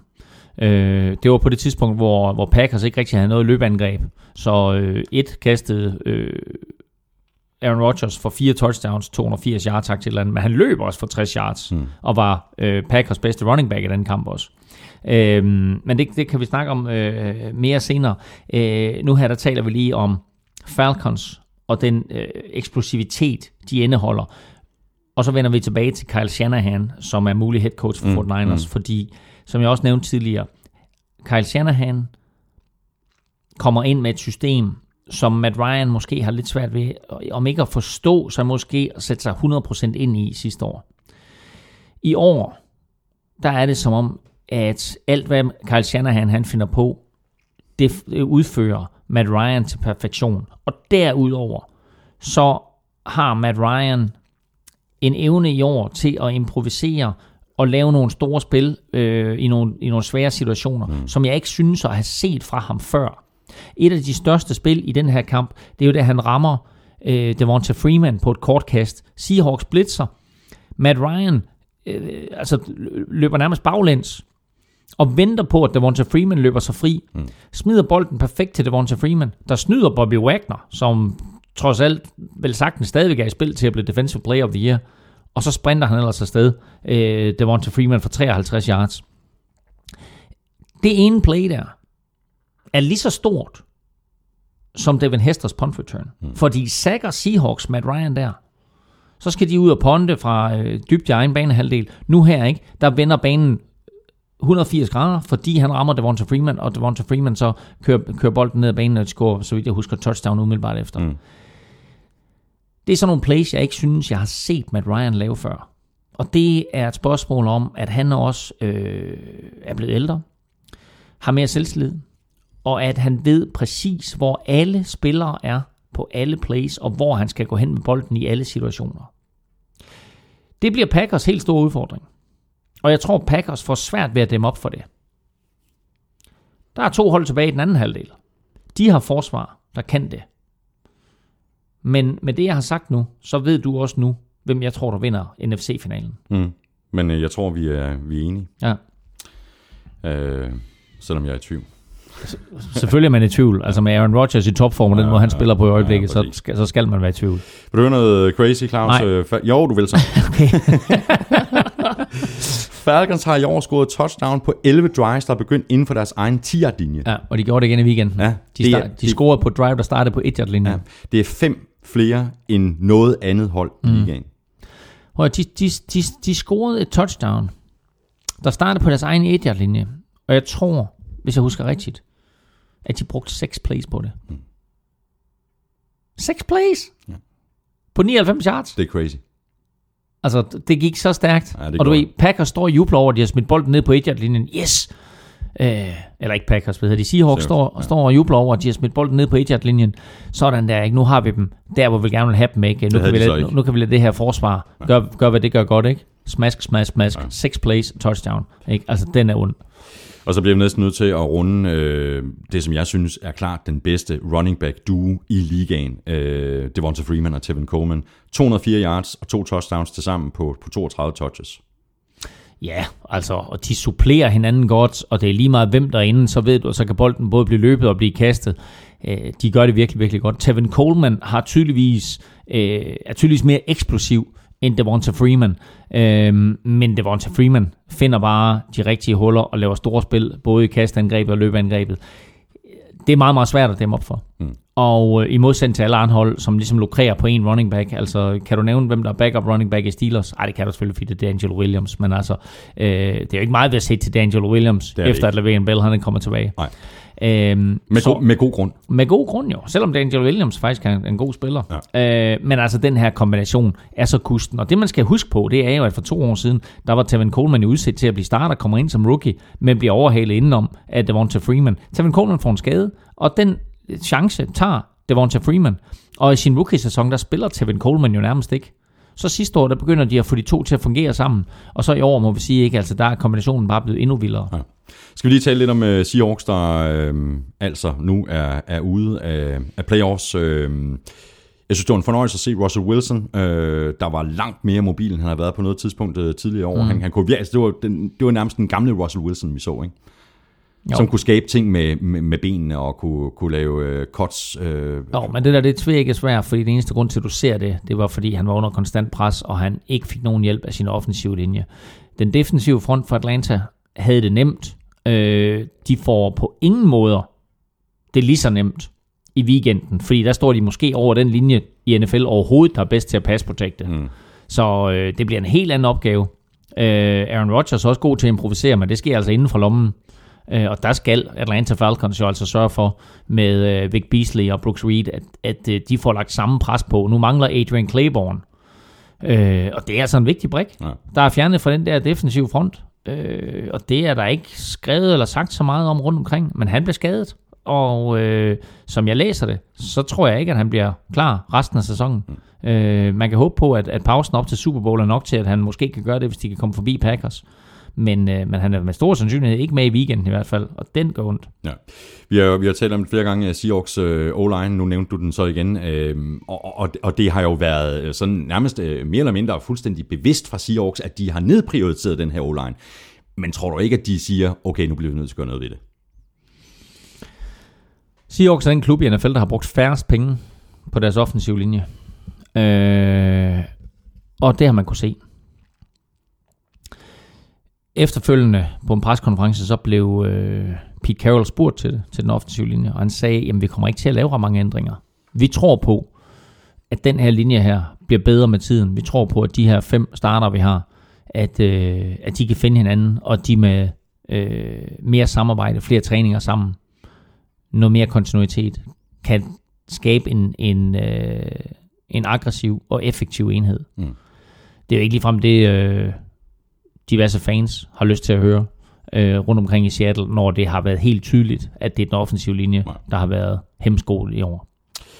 Nu får øh, Falcons altså lov til at spille en øh, hjemmekamp mere i The Georgia Dome, øh, før de rykker ind på deres nye stadion næste år. Øh, hvad hedder det? Mercedes-Benz øh, Stadium? Ja, det er ligesom New Orleans. Ja. Så kommer der altså to Mercedes-Benz Domes Præcis. i øh, NFC South. Og altså, det, er bare, det bliver bare en øh, kanon øh, NFC-finale, den her øh, Packers kommer på besøg. Og øh, lige præcis, øh, Packers vandt jo en øh, fantastisk kamp med 34-31 øh, over Cowboys i Dallas efter en, ja, det, kan vi, det er nærmest en instant klassiker, den her kamp, der sluttede med øh, to field goals over 50 yards inden for de sidste 98 sekunder af kampen.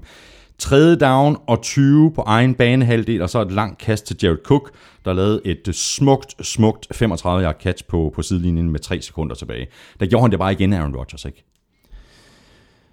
Der er rigtig, rigtig mange, som har været ude og rose Aaron Rodgers, øh, og ikke bare rose ham, men sige, at han er den bedste quarterback, der nogensinde har spillet.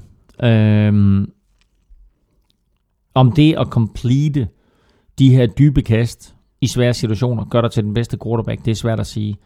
Men der er i hvert fald ikke nogen quarterback i NFL's historie, der har været i stand til at complete så vigtige kast så mange gange mm. på så få forsøg, sådan set, øh, i store kampe som Aaron Rodgers gør. Hvad enten det er Hail Marys, eller det er det faktum, at han øh, smider fire bolde i den her kamp på over 25 yards til fire forskellige spillere. Mm. Altså, øh, det er der jo quarterbacks, som er kommet igen i NFL-sæsonen i år. Eller hvor påstår der er quarterbacks i år i NFL-sæsonen, der ikke har kastet en bold på over 25 yards til fire forskellige spillere. Han gør det i én kamp. Ja. Og så har han selvfølgelig også nogle spillere, der laver nogle fantastiske catches, ikke? Jo, det, men, det, er, det er lækre fødder, det der Jared Cook. Der er ikke noget større catch i den kamp, end det Jared Cook laver der. Der er en dommer, som øh, står lidt forkert i forhold til det, som rent faktisk dømmer ham ud, men mm. der er en dommer, der lynhurtigt kommer ind og dømmer ham inden. Mm. Altså, og øh, der er et fantastisk stillbillede, øh, taget ned fra den modsatte endzone. Har du set det? Ja, Peter, Peter Korsmed har faktisk tweetet det der, hvor, hvor Aaron Rodgers står på tæer. Ikke? Har du set det? Ja, ja. Okay. Peter Korsmed har, har tweetet det okay. med, med adresse til NFL-show. Hvor Jared Cook med, med, med tåspidserne ja. er inden for sidelinjen, og så kan man se Aaron Rodgers i baggrunden stå helt op på tåspidserne, ligesom at lege med. Du ved, lidt ligesom når man sidder derhjemme og ser en film, og man er sådan, uh, hvad sker der? Altså, så helt, helt, helt igennem fantastisk billede. Men det play der, det mest interessante ved det, det var, at jeg sidder og ser kampen, og så, sidder, så ser jeg Aaron Rodgers sådan lave nogle håndtegn, ligesom om han tegner ruter. Og så tænker jeg, han er simpelthen i gang med at fortælle sine spillere, hvor de skal løbe hen. Mm, det var ikke et play. Og den rute, som han tegner, det er Jared Cooks rute. Mm. Så hvis man, hvis man sætter sig ned og ser kampen igen, så kan man se, at Aaron Rodgers, han står sådan og markerer, du, du skal prøve at løbe, uh, run, run, run one of these. Ikke? yeah. Og Jared Cook kommer ind bagved uh, Byron Jones. Og så må jeg også sige, jeg har ikke set nogen quarterback, der ser ud til at kunne kaste bolden så langt, så nemt, som Aaron Rodgers gør. Altså, jeg ved, hvor svært det er at kaste en bold 20 yards. Og hvis jeg skal til at kaste 25 eller 30 yards, altså så har min tøsearm lidt problemer. Især med den der øh, øh, skade på din albu. Er for pokker, ikke? Ja, Men prøv at høre, Aaron Rodgers, han completer den der for 38 yards i luften, sådan nærmest bare med sådan en håndledsvip. Det er så vildt at se på. Og det er jo ikke første gang, han gør det. Han rammer jo øh, Richard Rodgers for et touchdown tidligere i kampen, hvor han også bare sådan smider den afsted. Det ser så brutalt nemt ud. Ja. Øhm, men altså, Aaron Rodgers er selvfølgelig historien i den her kamp, men det skal Mason Crosby også være med sine to øh, field goals. Præcis. Og deres O-line. Og jamen altså, prøv at høre, den O-line der, den er jo så vild. Øh, de runblocker, sådan, hvad skal vi sige, det er måske en top 10 runblocking linje. Der er ikke nogen linje i NFL, der er så god til pass protection, Nej. som, øh, som de er. Nej, det er helt åndssvagt. Han får jo, jeg ved ikke hvor lang tid, altså. Mm. Dan Baileys øh, field goal, øh, der er udlignet til øh, 31-31, efterlod øh, 35 sekunder tilbage på, på, på klokken til Rodgers, øh, plus et, øh, jeg mener også, de havde et par timeouts tilbage. Øh, og det er bare lang tid for, for Rodgers, øh, det må vi bare, det må bare konstatere, altså 35 sekunder, det er mere end rigeligt. Kasper Mertz... Øh, det, sagde han, det, det sagde han også bare selv bagefter på preskonferencen. Så der er en eller anden journalist, jeg kan ikke helt huske formuleringen af spørgsmålet, men, men han siger, so you got the 35 seconds there on, on the clock, what were you thinking? That's a lot of time. Ja. Men det er det jo. That's a lot of time. Ja, det er det jo. Ja. Øh, Kasper Mertz øh, skriver, at det virkede underligt på mig, at øh, Cowboys på 3. og 4 med 38 sekunder igen øh, valgte at kaste bolden. Er det mig, der overser noget, eller kunne de ikke have løbet mere tid af klokken ved at give øh, Elliot bolden, og derved øh, forhindre Rodgers i at gøre det, som han er bedst til? Jo, men Jason Garrett svarede jo på det øh, på preskonferencen bagefter også. Formålet var jo at score touchdown. Formålet var jo ikke at komme i overtid. Formålet var at score touchdown. Og hvis de troede på der, at et kast var en bedre løsning. Ikke? 3. down og 4, ja, Ezekiel Elliott havde succes, og Ezekiel Elliott kunne måske også have fået en første down, men formålet med det drive var jo at få touchdown. Mm. Og derfor så går de efter at få en første down på et kast. Øh, og, og øh, så kan man være bagklog og sige, at det havde været klogere at løbe bolden, men altså i 3. down og 4 situation i modstanders territorie, der mm. vil jeg nok også øh, kaste bolden, ikke? Altså har trods alt en Des Bryant, som har haft en, en øh, stor anden halvleg, og har totalt øh, domineret den øh, cornerback, han står overfor. Øh, du har Cole Beasley, du har Jason Witten, altså der er masser af muligheder. Mm. Øh, at det så ender med incomplete, og de må sparke et field goal, det er hvad det er, men altså, ja. altså det, det er nemt at være bagklog. Mm. Jeg kan ikke lade være med at være imponeret over Ty Montgomery. Han startede altså som wide receiver og konverteret i løbet af sæsonen. Scorer to touchdowns som ja. running back, ikke? Ja. Øh, og da, da, han, da han konverterede der og stillede op som running back i, i starten af sæsonen, øh, der jokede vi jo lidt med det, at øh, nå, ha, ikke? Altså, og det var sådan en nødløsning også, fordi han, han var ganske hurtig og måske mest kunne bruges i kastespillet som running back ud af backfielden. Mm. Men altså pludselig så viste han jo mus. Han er jo, han er jo, han er jo en øh, tynd knægt. Altså, Jamen, jeg tror da også, det startede som en nødløsning. Jamen, det, ja, selvfølgelig gjorde det det. Ikke? Ikke? Altså, øh, ingen James Stark og ingen Eddie Lacy. Øh, og så prøvede de Devonta Adams dernede bagved, og så satte de øh, Ty Montgomery ind, og pludselig så fandt de deres running back. Ja. Altså, så det er crazy. Og det er stadigvæk mærkeligt at se en running back med nummer 88. Ja, det er øh, virkelig underligt. Ja, ja. Så, øh, men altså, han, han, han gør det godt, og får selvfølgelig også hjælp af den offensive linje. Øh, tror, hans første eller andet touchdown er fra 4 linjen på sådan en shotgun øh, snap, mm. øh, indvendig løb hvor den offensive linje bare buller fremad, og han sådan set lægger sig bag, hvor man tænker, at han når nok ned på 1'eren eller 2'eren. Så når han hele vejen ind i endzone, og man tænker, okay, altså det er virkelig, virkelig godt blokeret, ja, ja. og det er virkelig, virkelig godt løbet af en tynd receiver, øh, som, som, ikke er vant, som ikke har Ezekiel Elliott størrelse, eller Le'Veon Bell størrelse, eller noget, ikke? Og, og, og så skal der øh, løbe ind bagved. Han gør det helt, helt, helt fantastisk. Mm. Da Cowboys de var nede med øh, 28-13, der begyndte det sådan øh, mere eller mindre koge på Twitter, og sandsynligvis også øh, på, på, på, på Snapface og Instant Chat, øh, som Belichick siger, det hedder, øh, om at øh, nu er det måske ved at overveje at, øh, at skifte ud på quarterback, og simpelthen øh, se, hvad, hvad Tony Romo øh, kunne, kunne stille op. De valgte så at holde fast i Dak Prescott, og det var så øh, meget godt, fordi faktisk lige fra det tidspunkt, der completed han 13 af 17 for 142 yards, to touchdowns og så en uh, two-point conversion på, på, på de sidste mm. tre possessions, tror jeg. Men det var meget sjovt det der med, at... Uh, uh, og jeg sad, jeg sad faktisk selv og tænkte tanken. Jeg sad faktisk selv og tænkte tanken om, det kunne være meget interessant, om de vælger at, at, at skifte ud på quarterback nu. Mm. Simpelthen for at få en spark. Mm. Altså et, et, et, spark, et, gnist, et, et, et altså, gnist. Ja, eller, eller, eller et spark ja. i røven.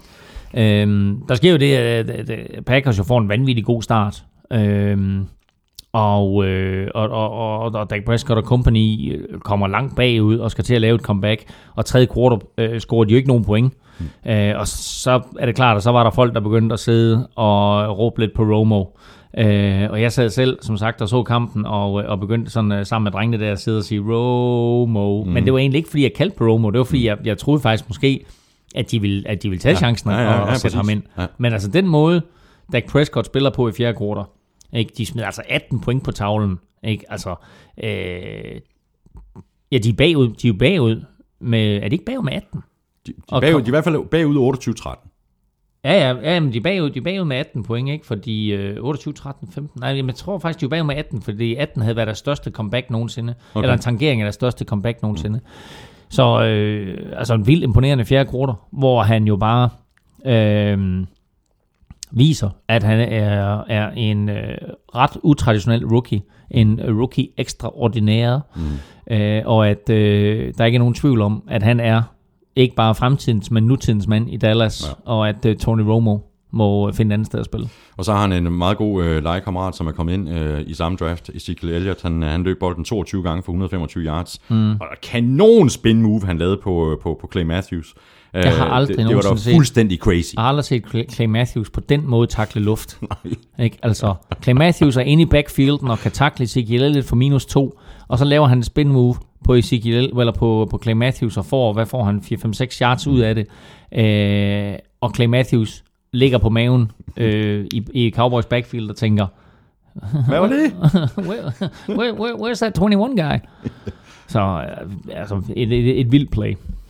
Ja, og så det førte frem øh, på, på den angrebsserie til, at uh, Des Bryant han scorede et, et, et 7 yard TD. Ja. Han spillede også en rigtig god uh, kamp, Des Bryant muligvis den bedste, han har spillet i år. Ja, det, det synes jeg faktisk. Altså, øh, og man, man så jo netop, hvor, hvor fysisk stærk han er, og hvor dominerende han kan være. Øh, og øh, Dak Prescott øh, gik efter ham tidligt og ofte. Øh, og det er jo måske også noget, som de ikke har gjort særlig meget i sæsonen. Men øh, Des Bryant har også været skadet, og har måske ikke været 100% hele sæsonen. Mm. Så altså... Øh, der er lang tid til næste år lige nu, ikke? Når man, har, når man er nummer et seed i NFC og har været det bedste hold i NFC hele sæsonen. Ja og så pludselig rører ud efter en kamp, så, så er der lang tid, men ja. altså, man kan begynde at se fremad, øh, og så sige, okay, vi har altså et meget, meget ungt, meget, meget slagkraftigt, meget, meget øh, godt hold med masser af potentiale. Ja. Og Des Bryant, han er kun den anden Cowboys receiver med over 130 yards og to touchdowns i en slutspilskamp. Hvem er den anden? Jeg kan kun sige Michael Irvin. Og det er fuldstændig korrekt. Ja. Øhm, jeg har en ting, jeg gerne vil bringe på banen. Ja. Lad du mærke til det aller sidste spil i første halvleg? Øh, Packers har, har scoret touchdown, touchdown, touchdown, øh, og så ryger lidt i problemer og kan ikke rigtig få det til at køre, som, som de gerne vil. Øh, og så slutter de første halvleg af øh, med bolden, øh, men beslutter sig for at ponde. Og så ponder de til Cole Beasley, der vinker fair catch, med 0 sekunder igen. Mm-hmm. Pause.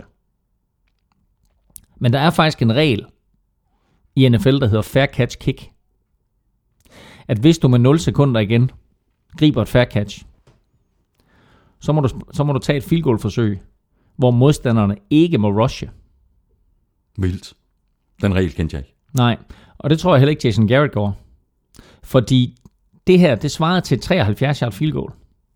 Det var faktisk et field goal, der skulle være sparket fra 37 yard linjen.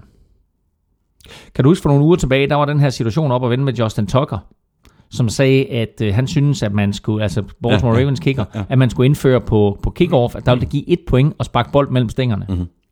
Det skulle altså i givet fald være for 35 linjen. På det tidspunkt, der snakkede vi om, hvem kunne få fordel af det. Det kunne Justin Tucker, ja. det kunne Dan Bailey ja. og et par stykker mere.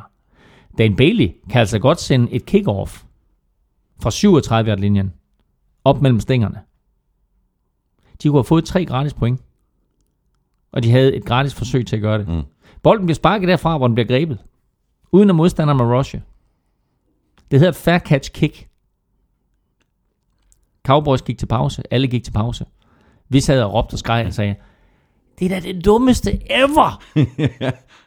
Så, øh, men, øh, men det er sådan en, en lille overset regel. Øh, kampen ender med en 3 point sejr til Packers.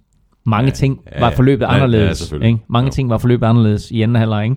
Men altså, det, øh, det stod trods alt 21-13 ved pausen. Det kunne have stået 21-16. Mm. Ikke? Og apropos en, øh, en anden, måske lidt spøjs regel, så har Daniel Tolander, han skriver, kan I forklare reglen omkring udskiftning af spillere, og hvorfor Bryce Butler fik den voldsomme straf for at løbe ind på banen, for derefter at løbe ud igen, og så igen løbe ind igen? Jamen det er, det er ret simpelt, og det er, at øh, forsvaret altid har ret til at skifte sidst ud. Og derfor så står det i reglerne, at hvis en, en angrebsspiller er løbet ind i hotlen, så må han ikke løbe ud igen, uden at deltage i spillet. Og grunden til det er selvfølgelig, fordi hvis du lige pludselig smider fire receiver ind i hotlen, ikke? og der står 15 mand derinde, så står forsvaret sådan lidt, hvad, hvad gør vi nu? Mm. Så sprinter de der fire mand ud, og så skal forsvaret til at skifte ud og sige, hvad, hvad er det helt præcis for en formation? Er det to running backs, eller er det fire receiver, eller hvad er det? Ja. Så kommer du ind i hotlen, så skal du deltage i spillet. Så fanger bordet. Og Bryce Butler var helt inde i hotlen. Det var ikke bare sådan noget med, at han var inde forbi numrene. Øh, han var helt inde i hotlen. Og det er faktisk en 15 yards straf, fordi man betragter det som uh, unsportsmanlike conduct, altså at prøve på at snyde forsvaret. Mm. Øh, og derfor øh, en meget, meget sjældent brugt regel, men, men sådan er reglen.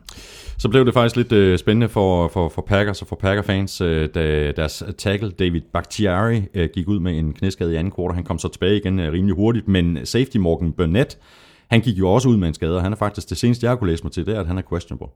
Ham vil de, ham vil de godt have Hvem siger du?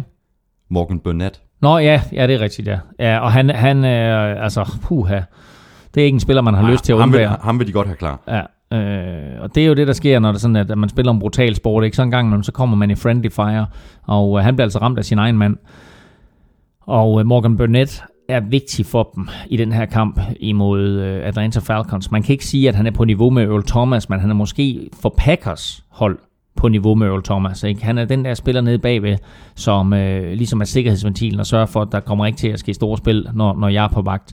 Og øh, med alle de her unge spillere, som de har løbende rundt på, på cornerback og safety, der er han også bare en spiller, som kan give noget tryghed og sørge for, at alle folk er på de rigtige pladser.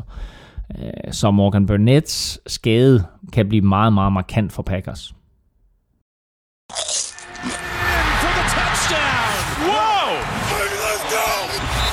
Ugens spiller præsenteres af Tafel.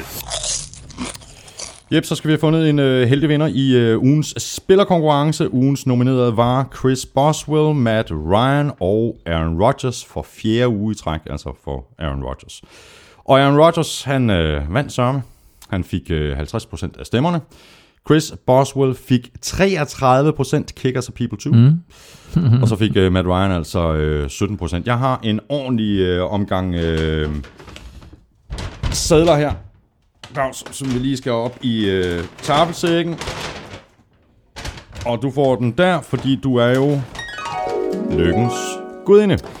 Og hjemmand fra Brasilien, der finder jeg et navn her i posen. Og lykkens gudinde har udvalgt en mand, der har skrevet Aaron Rodgers, og han hedder Kasper Hasselqvist, og han er fra Aalborg.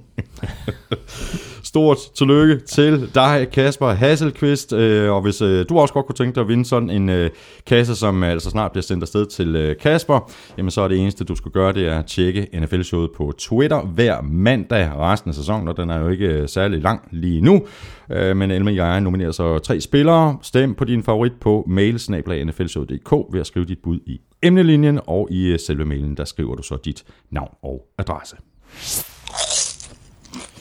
Så tager vi øh, fat i de to øh, divisional kampe i øh, AFC. Vi lægger ud med Patriots Texans, der endte med en sejr til Patriots på 34-16.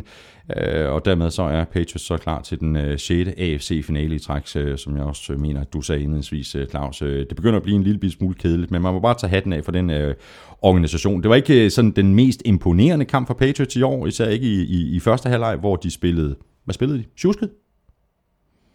Nej, jeg tror, de er overrasket over... Og øh, Texans forsvar? Ja, altså fordi Texans forsvar lavede nogle øh, små øh, geniale justeringer med, hvor de stillede Whitney Merciless op, og hvor de stillede David Clowney op, og det gav Patriots offensiv linje nogle problemer, som man sjældent ser. Men det er jo ikke nogen stor hemmelighed, at øh, de har uh, Jadavian Clowney og Whitney Merciless på, på, på Texans defensiv.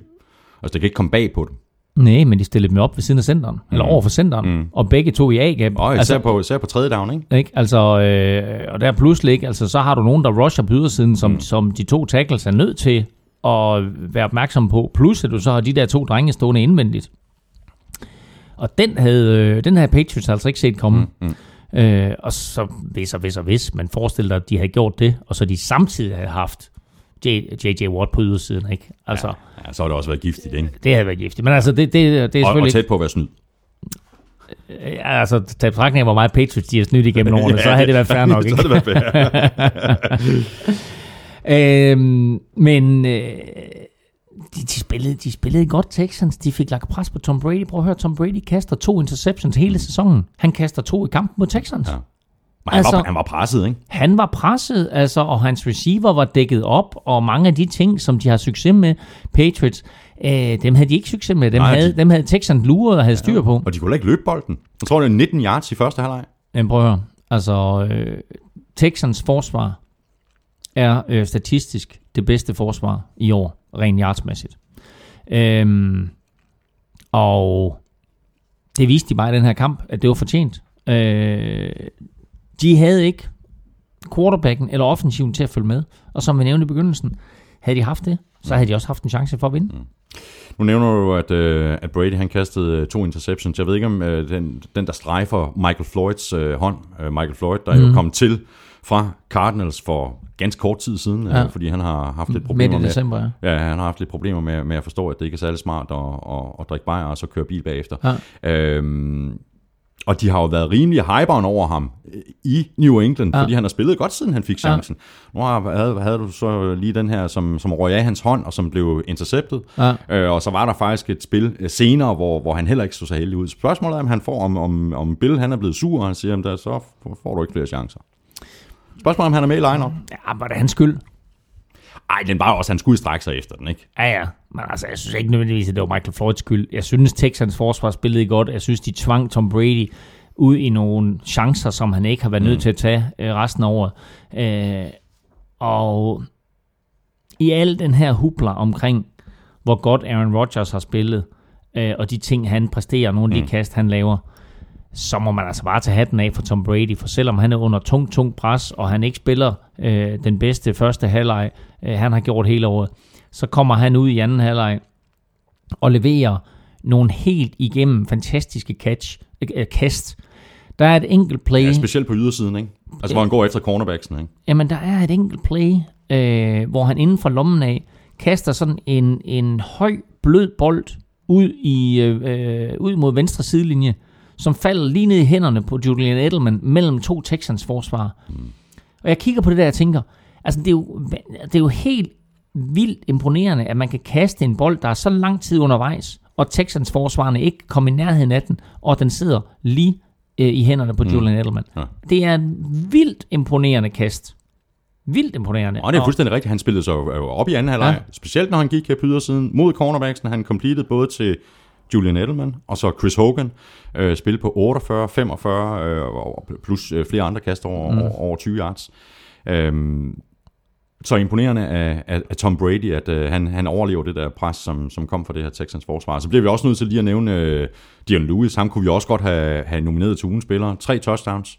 Han scorer som den første spiller nogensinde i slutspillet et løbetouchdown, et receiving touchdown og et return touchdown. Mm. Det er der aldrig nogen spillere i NFL-slutspillet, der har gjort Nej. før. Og Dian Lewis var den første, og selvfølgelig overvejede vi, om han skulle nomineres til, øh, til ugens spiller, men altså hans to fumbles der, de trækker lidt ned. Mm. Øhm, så, eller trækker en del ned. Øh, hans første fumble er jo den grad med til at få Texans tilbage i kampen. Mm. Men altså, sikke en kamp, han har spillet, øh, og sikke en sæson, han har spillet i, i, i den korte tid, han har været med. Vi vidste, at øh, vi ved, at Tom Brady godt kan lide det her øh, lynhurtige, korte kastangreb, hvad enten det er krydsningsruter fra receiverne, eller det er øh, running backs ud af backfielden, eller for en sags skyld øh, Gronkowski, mens han var med, eller Martellus Bennett lynhurtigt ned igennem midten. Øh, deres spil er sådan set ikke lagt an på de her dybe kast til Chris Hogan øh, med, med flere. Men det bliver en naturlig udvikling, når det er sådan, at, at forsvaret er nødt til at dække op for de korte kast og, og lægge et blond, når han løber bolden. Mm. Øh, men med Dian Lewis inden, der har de altså en, en virkelig, virkelig eksplosiv spiller, som lidt ala Tevin Coleman fra Falcons. Ja. Så snart han har bolden i hånden, mm. så ved du ikke helt, hvad der kommer til at ske. Nu skal du høre noget crazy. Ja? Erbo Hansen har tweetet. Han skriver, det er alligevel en vild statistik. Siden 2015 er Patriots 15-0 med Dion, Lewis i lineup, 13-7 uden Dion Lewis. What? Det lyder helt åndssvagt. 15-0 med Dion Lewis? Ja. Og 13-7 uden ham? Ja. Han må aldrig være skadet jo. Nej, han må aldrig nogensinde være skadet. Vi snakker om det uretfærdighed Tom Brady. Det er ja. åbenbart Dion Lewis, ja. der er mega uretfærdigt. Ja. Nå, ej, det er, okay, det er en crazy statistik. Ja, det det. Ja. Skal vi lige uh, nævne uh, Patriots cornerback uh, Logan Ryan. Mm. Kanonkamp. Uh, lavede en interception. Uh, den der, men, ja. der lukkede kampen. Ja. Og så derudover stod han så for syv taklinger og, og uh, tre passes uh, defended. Ikke? God jo. kamp der. Ja, det er så. Og øh, når man nu sidder og ser kampen på søndag imod Steelers, så kunne man jo forestille sig, at øh, Steelers, Antonio Brown, vil komme til at stå over for Malcolm Butler. Men prøv at lægge mærke til, hvad Patriots øh, gør nu her. Fordi øh, det, de med stor sandsynlighed vil komme til at gøre, og som er en af de taktiske fif, som øh, Bill Belichick han har sat ind, det er, at de sætter Logan Ryan over for modstandernes bedste receiver. Det vil sige, at du får Logan Ryan over for øh, Antonio Brown, og så får Logan Ryan hjælp af en safety.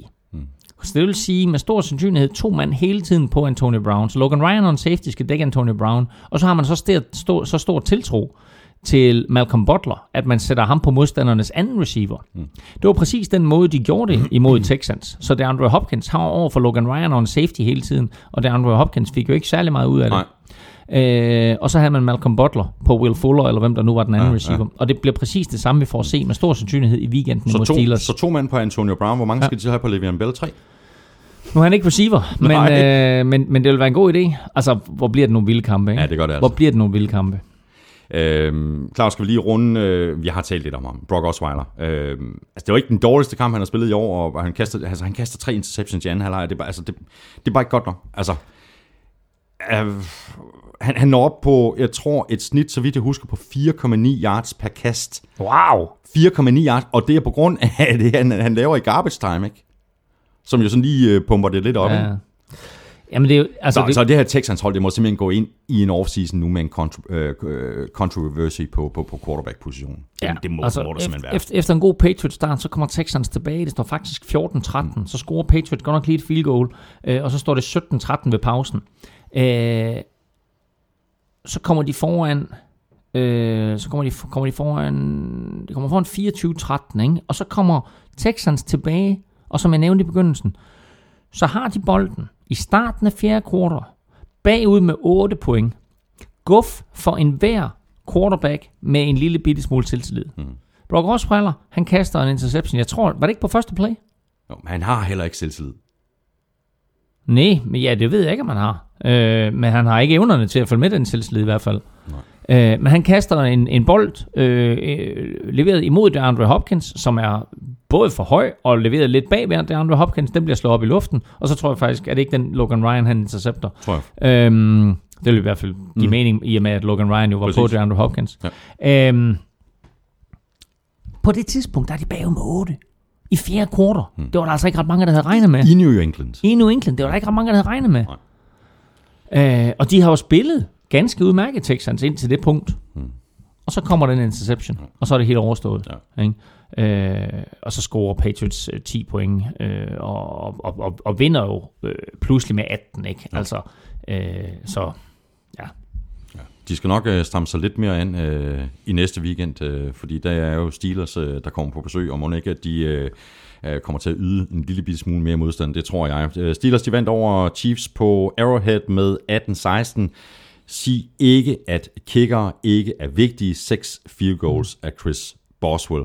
Øh, men skal vi ikke tale om afslutningen på den her kamp først, øh, og den der two-point conversion, der først lykkedes for Chiefs, og så blev kaldt tilbage for, for, på, på grund af holding, og så blev øh, det næste forsøg, jamen det øh, var jo så også noget længere udefra, men øh, det blev så defended af svært, svært, tror, jeg, svært. Sean Davis. Ja. Safety, Sean Davis. Øh, og det er svært at lave en two-point conversion fra 12-yard-linjen. Øh, lidt nemmere fra 2-yard-linjen, hvor det jo lykkedes dem, og så bliver den kaldt tilbage for holding. Det her det er jo en kamp, hvor Chiefs scorer to touchdowns, Steelers scorer 0 touchdowns, og alligevel så vinder Steelers kampen, fordi de laver 6 field goals. Øh, første gang nogensinde i øh, playoffs-historien, at en spiller har scoret 6 field goals i en kamp. Alle 18 point leveret af Chris Boswell. Selv samme Chris Boswell, som vi grinede af og hånede, da han prøvede på at lave det her bag om fodens øh, Jamen, det var heller ikke smart, vel? Nej, nej. Men det, men det er trods alt en Chris Boswell, ikke, du ved, som, som blev udstillet på alle sociale medier for den der, øh, hvad, hvad, hvad det man kalder det, når man laver sådan en, en bag om støttefoden spark. Det hedder et eller andet i fodboldsprog. Ja, det ved jeg ikke, om det er en Maradona eller... Nej, det, den har et eller andet. Nå, den har et eller andet. Den eller andet. Ja, det ved jeg nå, men den prøvede han på at lave. Der blev han i hvert fald øh, øh, hånet og, og øh, kastet for pøbelen på de sociale medier. Så går han ud, så laver han 6 for 6 på field goals mm. øh, i den her kamp øh, på et stadion øh, udendørs, hvor der var meldt om snestorm og øh, lynnedslag, og kampen blev udsat fra kl. 19 til kl. 02.20 dansk tid øh, på grund af den her, øh, det her stormfare, som så viser sig at være fuldstændig overdrevet. Mm. Det kan vi lige vende tilbage til. øhm, han laver alle 18 point. Chiefs scorer på deres første drive, og de scorer på deres sidste drive. Og det er drive. et super drive, det første drive. Det er et super drive, det første drive, man tænker, hold Var det det op. seks plays, øh, altså seks plays, 55 yards, og så gik de nærmest i stå i 40 minutter rent offensivt. Ja, Altså det er jo meget, Ja. meget mærkeligt. ja. Jamen altså, det var bare, øh, det var bare et, et virkelig, virkelig godt drive, og så satte Steelers øh, ligesom foden ned, øh, og sagde, okay, fair nok, I tog os lidt på sengen her, men altså, og så holdt de dem resten af kampen igennem. Ja, ja. Og så får Alex Smith jo den chance, præcis som Brock Osweiler fik, bagud med 8, ikke? Mm. Med, i fjerde kvartal. Hvad gør Alex Smith, som jo heller ikke bliver nævnt blandt de største quarterbacks? Jamen, han fører sit hold til touchdown. Ja. Og så kan man så sige, er det reelt at betragte en 8-points føring som et one-score game? Ja, hvis de har lavet en 2-point conversion, så var det. Men altså, der er bare større sandsynlighed for, at en one-score game, det er 7 point, ikke? Og du kan sparke det der ekstra point. Du skal trods alt lige have det der ekstra play, ikke? Det er et ekstra touchdown, du nærmest skal score, ikke?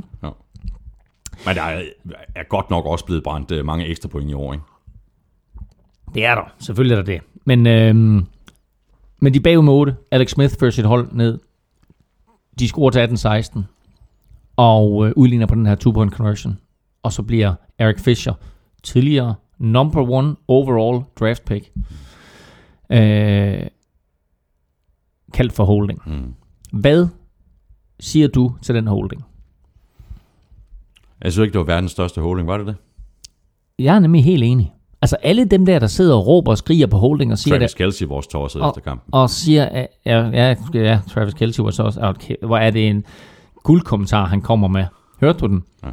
Ja. Øh, ham der, han skulle aldrig nogensinde have lov til at, og have zebrastriber på, ikke? Altså- Footlocker. og, ja, ja, han skulle aldrig have lov til at have zebrastriber på, ikke? Altså, han skulle faktisk aldrig have lov til, ikke engang, han skulle ikke engang have lov til at være en footlocker, øh, hvor øh, arbejdsuniformen jo er en, er en dommertrøje. Mm. Øh, jeg synes ikke, at det der, det var så voldsom en holding, som alle mulige andre eksperter har råbt det ud til at være. Øh, James Harrison kommer lavt, eksplosivt. Eric Fisher får sine hænder under ham. Og så glider James Harrison. Og i det øjeblik, han glider, så kommer det meget til at ligne en holding.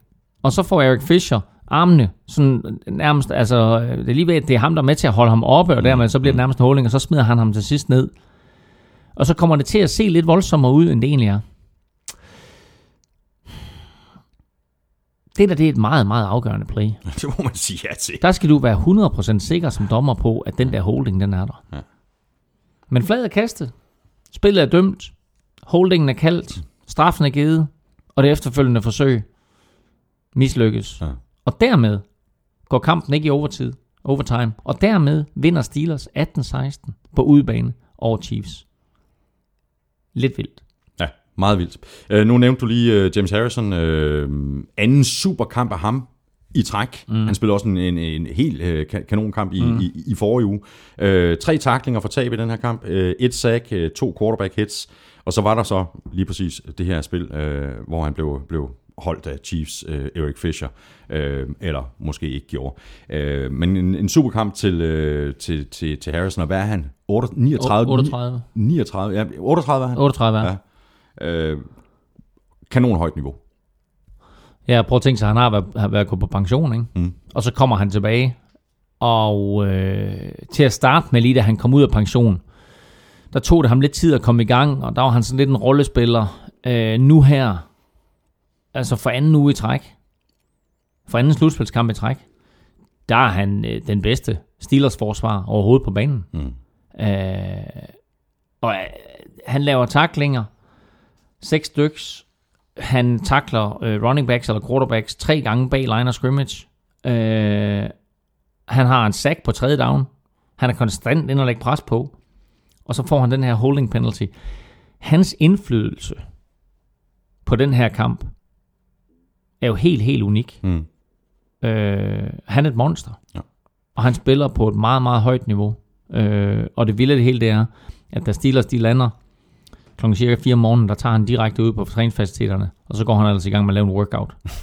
som, som, som der så blev, blev tweetet og smidt lidt billeder og lidt video op af. Ikke? Men man skal i det hele taget ikke undervurdere det her Steelers defense. øh, Det skal Patriots så heller ikke gøre i den kommende weekend, fordi Patriots har det bedste forsvar i ligaen mål på point mm. scoret. Ja.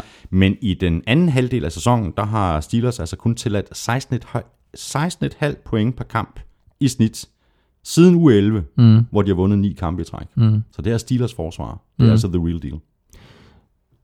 Ja, det er the real deal. Øh, det er alle de fire hold, der er i slutspillet. Hvis du kigger på de sidste otte kampe for de her fire hold, der er tilbage. Det er 32 kampe alt i alt. Mm. Så er de 30 og 2. Og der er Steelers jo altså ubesejret i den der periode. Ja. Øhm, det er øh, det er et Steelers mandskab, som sidst de tabte, var på hjemmebane til Dallas Cowboys. Jeg var der, jeg så kampen. Men fra det punkt af har været uhyggelig. Og fra det punkt af, det vil altid være Big Bens hold. Men fra det punkt af imod Dallas Cowboys, der blev fokus lagt over på Le'Veon Bell. Og det er ikke dumt. I sidste uge, der løb han for 167 yards. Det var på det tidspunkt slutspilsrekord for Pittsburgh Steelers. Den rekord slår han selv med 170 yards Ja. i weekenden. Og man skal altså lige lægge mærke til, at det er en rekord, der har stået i 42 år, siden Franco Harris øh, løb for, jeg tror det var i 1974, hvor han, hvor han løb for 150. Så han slår altså legendariske Franco Harris, og han gør det to uger i træk. Mm. Øh, så øh, imponerende af Le'Veon Bell. Og når det så er sagt, så må man bare sige, at det niveau, som den offensive linje spiller på for Pittsburgh Steelers, Exactly. er helt vildt. Altså, at de kan gå op på den måde og håndtere modstandernes forsvar. Og Justin la- Houston, Og, og Tampa la- Haley, de Ford, alle de har fuldstændig styr på det. Ja. Beskytter Ben Roethlisberger og skaber huller til Le'Veon Bell. Ja. Altså, Øh, og det er meget, meget højt niveau. Ja. Øh, og hvis du ser på de her fire offensive linjer, der er tilbage, så er det fire virkelig markante mm. offensive linjer. Der er ikke nogen linje, der er bedre i ligaen til pass protect end Green Bay Packers. Øh, Atlanta Falcons linje må vi bare øh, rose, både for deres evne til at pass protect, men også til at blokere for de her løb på ydersiden til Devonta Freeman og Tevin Coleman. Øh, Steelers linje beviste igen i weekenden, at den blokerer på en helt, helt, helt unik måde, som passer til den måde, Le'Veon Bell han løber på. Og så har vi Patriots linje, som på mange sider på en eller anden måde, øh, bortset fra Marcus Cannon, måske er en no-name linje, men bare igen, som altid under Bill Belichick, godt får det til, får det til at fungere. Øhm, Le'Veon Bell, han har produceret 1431 scrimmage yards i de seneste 8 kampe. Det er et snit på 178 yards. Det er vanvittigt. Claus. 178 yards. Ja, prøv at tænke på, hvor meget, scrimmage. prøv at tænke på, hvor meget vi sad og roste David Johnson fra Cardinals, fordi han hver uge lige kom over 100. Mm. Okay, han var så på 130, 140 og sådan noget, ikke? Men 178 yards. Jamen, det er derfor, jeg siger, prøv at høre. Det kan godt være, at det her, det vil altid være Big Bens hold. Men Le'Veon Bell er omdrejningspunktet nu. Ja, præcis. Og må ikke bare de øh, stikker bolden til, til Le'Veon Bell øh, i New England, fordi som øh, Brian Ede Pedersen har tweetet, Steelers har aldrig tabt en playoff-kamp, hvor Big Ben har kastet under 225 yards. Ah, Så de skal bare have Big Ben til at kaste så lidt som muligt, og så er det bare at give bolden Ja. til, til, til, til ikke? Jo.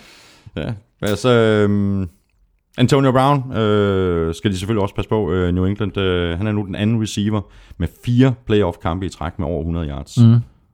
Hvem er den anden? Larry Fitzgerald. Præcis. Øhm, Og, har, og får Antonio Brown over 100 yards, så tager han selvfølgelig rekorden. Ja, det er det der er ald- aldrig nogen, der har haft fem. Nej. Det, er, det, bliver, øvrigt- det bliver det første møde i slutspillet mellem Tom Brady og Ben Roethlisberger siden Roethlisbergers rookie-sæson tilbage i 2004, slutspillet i, i 2005. Øh, det er altså 12 år siden, Mm. mm. at de mødte sidst i slutspillet.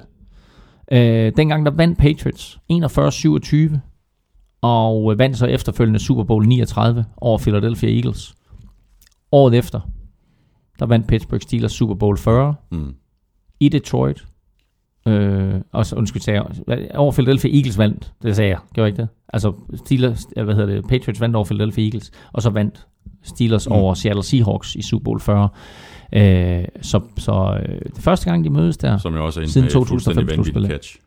Vanvittig catch i den Super Bowl, ikke? øh, hvad for en? Steelers Seahawks. Nej, det var ikke den. Det var Steelers Cardinals. Du tænker Pardon, på. pardon, ja, det er rigtigt. Steelers, Steelers Seahawks, det var der, hvor fast Willie Parker løb et 75 yard Fuldstændig korrekt. Det var Cardinals, touchdown. på. Men hvor øh, jo Steelers kører den her øh, reverse pass, øh, hvor de kaster den til Heinz Ward dybt, øh, som jo nok var den, var den Super Bowl største spil. Hvis vi lige skal se lidt øh, frem mod næste sæson for, for Chiefs. Øh,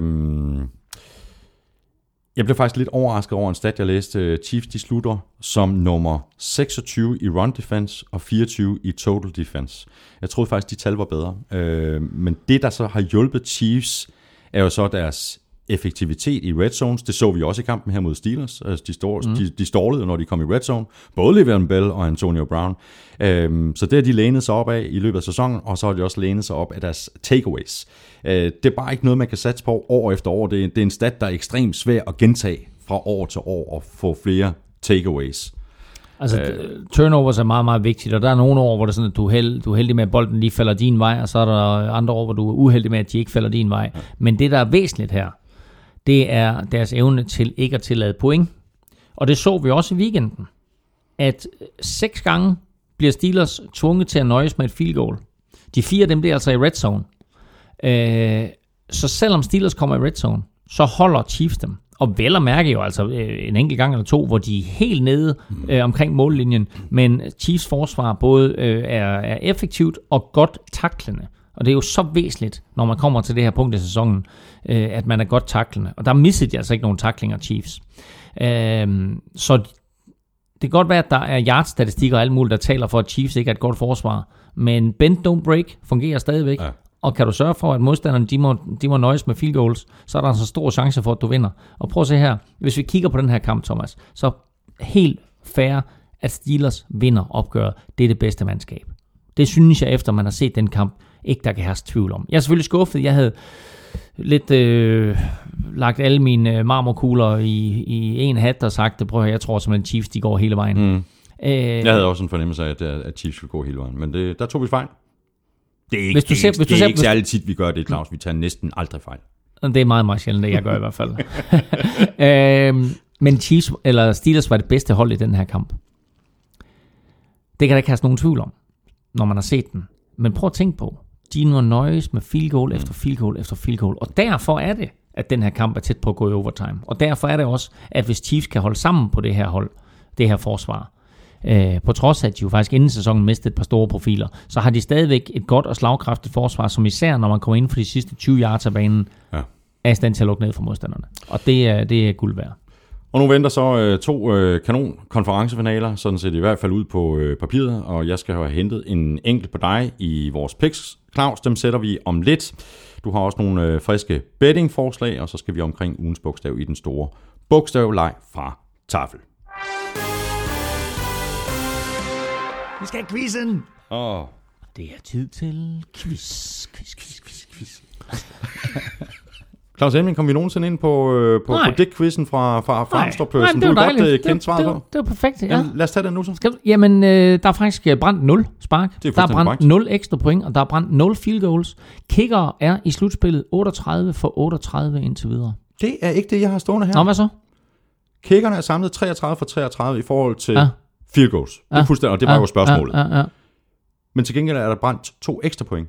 Hauska missede et mod Lions, og Boswell et mod Dolphins. Jeg har ikke dobbelttjekket. Søren Armstrong, han har, han har brændt os før, Claus. ja, ja. Nå, Nej. ja, men... Men, øh, men kun én Nå, gang. nej, men ved du det er da rigtigt. Havska, han brændte ikke Ja. mod Lions, det er da Ja. rigtigt. Okay, nå, men det er i hvert fald 0, eller i hvert fald 0, 0 brændt i, øh, I i field goals. Ja, og jeg præcis. troede egentlig, det var 38 for 38 på alle spark. Okay, nå, fint nok. Godt, jamen det er dejligt, vi har ham til lige at tjekke op på det. Præcis. Så skal jeg svare på dit spørgsmål. Hvad var det? Det var... Det var Cowboys, øh, som ikke har været i slutspillet siden, eller ikke har været i NFC-finalen ja. siden 1995. Det er der to andre NFC-hold, der ikke har været. Hvilke?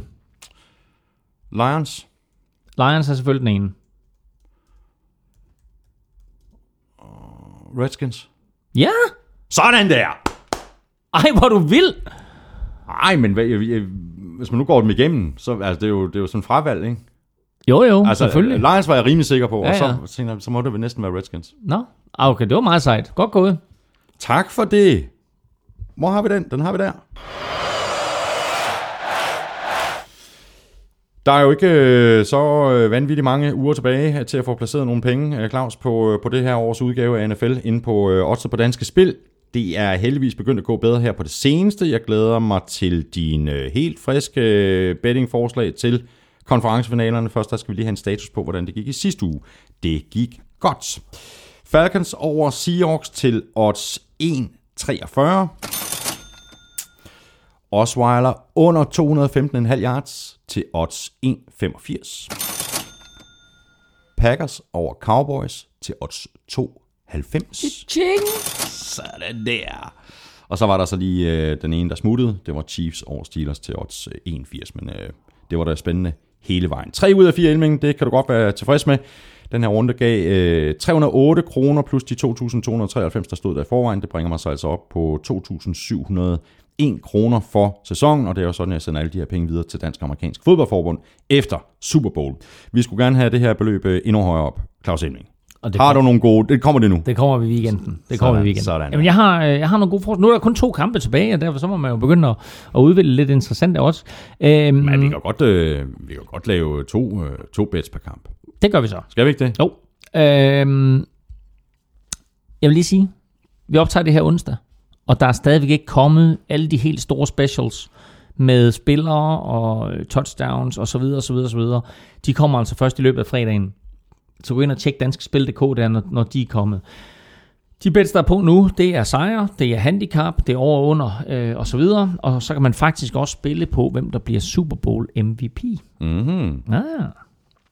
Nå, den første kamp står søndag aften kl. 21.05 mellem Atlanta Falcons og Green Bay Packers. Falcons er favoritter, de giver 1,45 igen. Der er 2,85 på en Packers sejr. Wow. Jeg tror ikke på Packers. Jeg tror simpelthen ikke på Packers. Til gengæld så tror jeg, at Atlanta vinder med mere end 4,5. Det, nu gambler vi.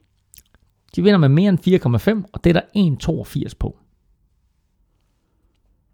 Jamen så hvis du, øh, hvis du siger, hvis du insisterer. Jeg insisterer. Mere end, 1, mere end 4,5 til Atlanta Falcons, 1,82. Godt, men, men bare lige for at holde fast. Og Packers giver 2, 85, 85. i ren sejr. Det er altså også, det, Det er et virkelig godt odds. det er det altså. Sådan som øh, Rodgers og det her Packers øh, angreb øh, mm. i særdeleshed er, er kørende lige for ja. tiden, ikke? Jamen altså, prøv at høre. De gav 92 imod Cowboys. Ja. De gav altså kun 0,05 mindre imod Falcons. Ja. Ja. 2,85, det er et virkelig godt odds. Men jeg siger, at Falcons kan vinde den her kamp og gøre det med mere end øh, 4,5 point til Det er, 1,82. det er noteret. Den anden kamp øh, har først kick-off kl. 00.40. Det er jo sent desværre øh, for de danske tv-seere. Øh, det er New England Patriots imod Pittsburgh Steelers, og den er jo næsten værd at blive op og se. Øh, der er 1,38 på Patriots. Der er 3,25 på Steelers. Hvor meget? 3, Tre. 3,25? 3,25. Bum. Jeg har det bare sådan, at det er usandsynligt sjældent, at man vinder penge på at spille imod Patriots på hjemmebane. Det er korrekt. Så jeg har virkelig svært ved at anbefale 3,25, men 3,25 på Steelers er virkelig højt odds. Øhm, man kan til gengæld spille på, at Steelers de ikke taber med 7. Altså ikke taber med et touchdown. Mm. Og det er der 1,77 på. Også interessant. Så det er min anbefaling. Steelers taber med mindre end et touchdown til 1,77. Godt. Det var to bettingforslag. Det var to bettingforslag. Du nævnte det tidligere. Patriots har det forsvar i ligaen, der scoret færrest point mod. Steelers har ikke tilladt 20 point igennem de sidste ni spilleuger.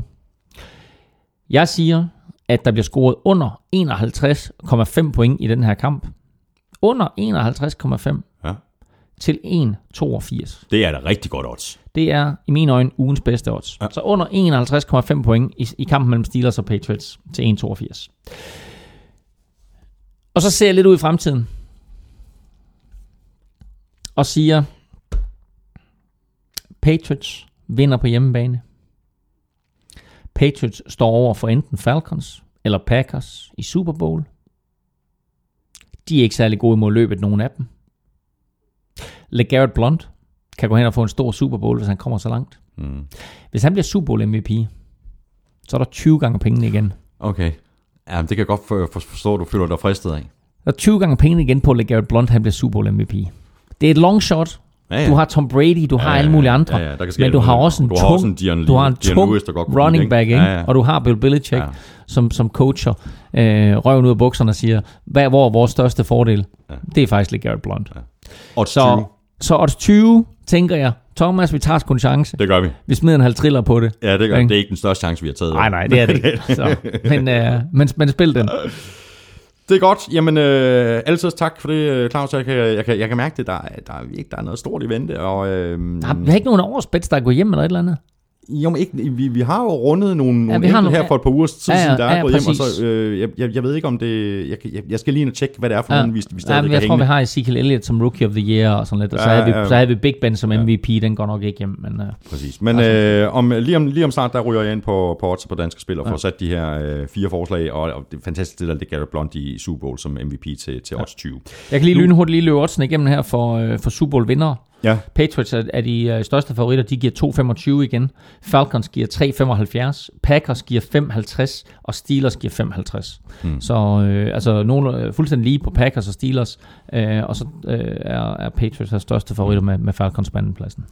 Og det er selvfølgelig øh, vigtigt at få nogle øh, penge i kassen til Dansk-Amerikanske Fodboldforbund, øh, og det vil jeg så forsøge efter bedste evne og med hjælp fra dig, Elming, men øh, nok så vigtigt, så skal vi have sat vores øh, picks. Øh, vi havde nøjagtigt det samme i sidste uge, øh, hvilket betyder, at du stadig fører med en enkelt 162 161. Vi havde nøjagtigt de samme kampe, vi havde to rigtige. Øh, jeg, jeg tror faktisk også, at vi har de samme i den her uge. Patriots Steelers. Jeg siger Patriots. Jeg siger Patriots. Falcons Packers. Jeg siger Falcons. Jeg siger også Falcons.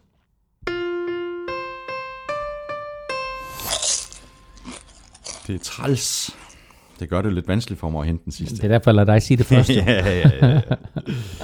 Nu er vi nået til ugens bogstav i den store bogstavleg fra Tafel. Ugens bogstav er et D.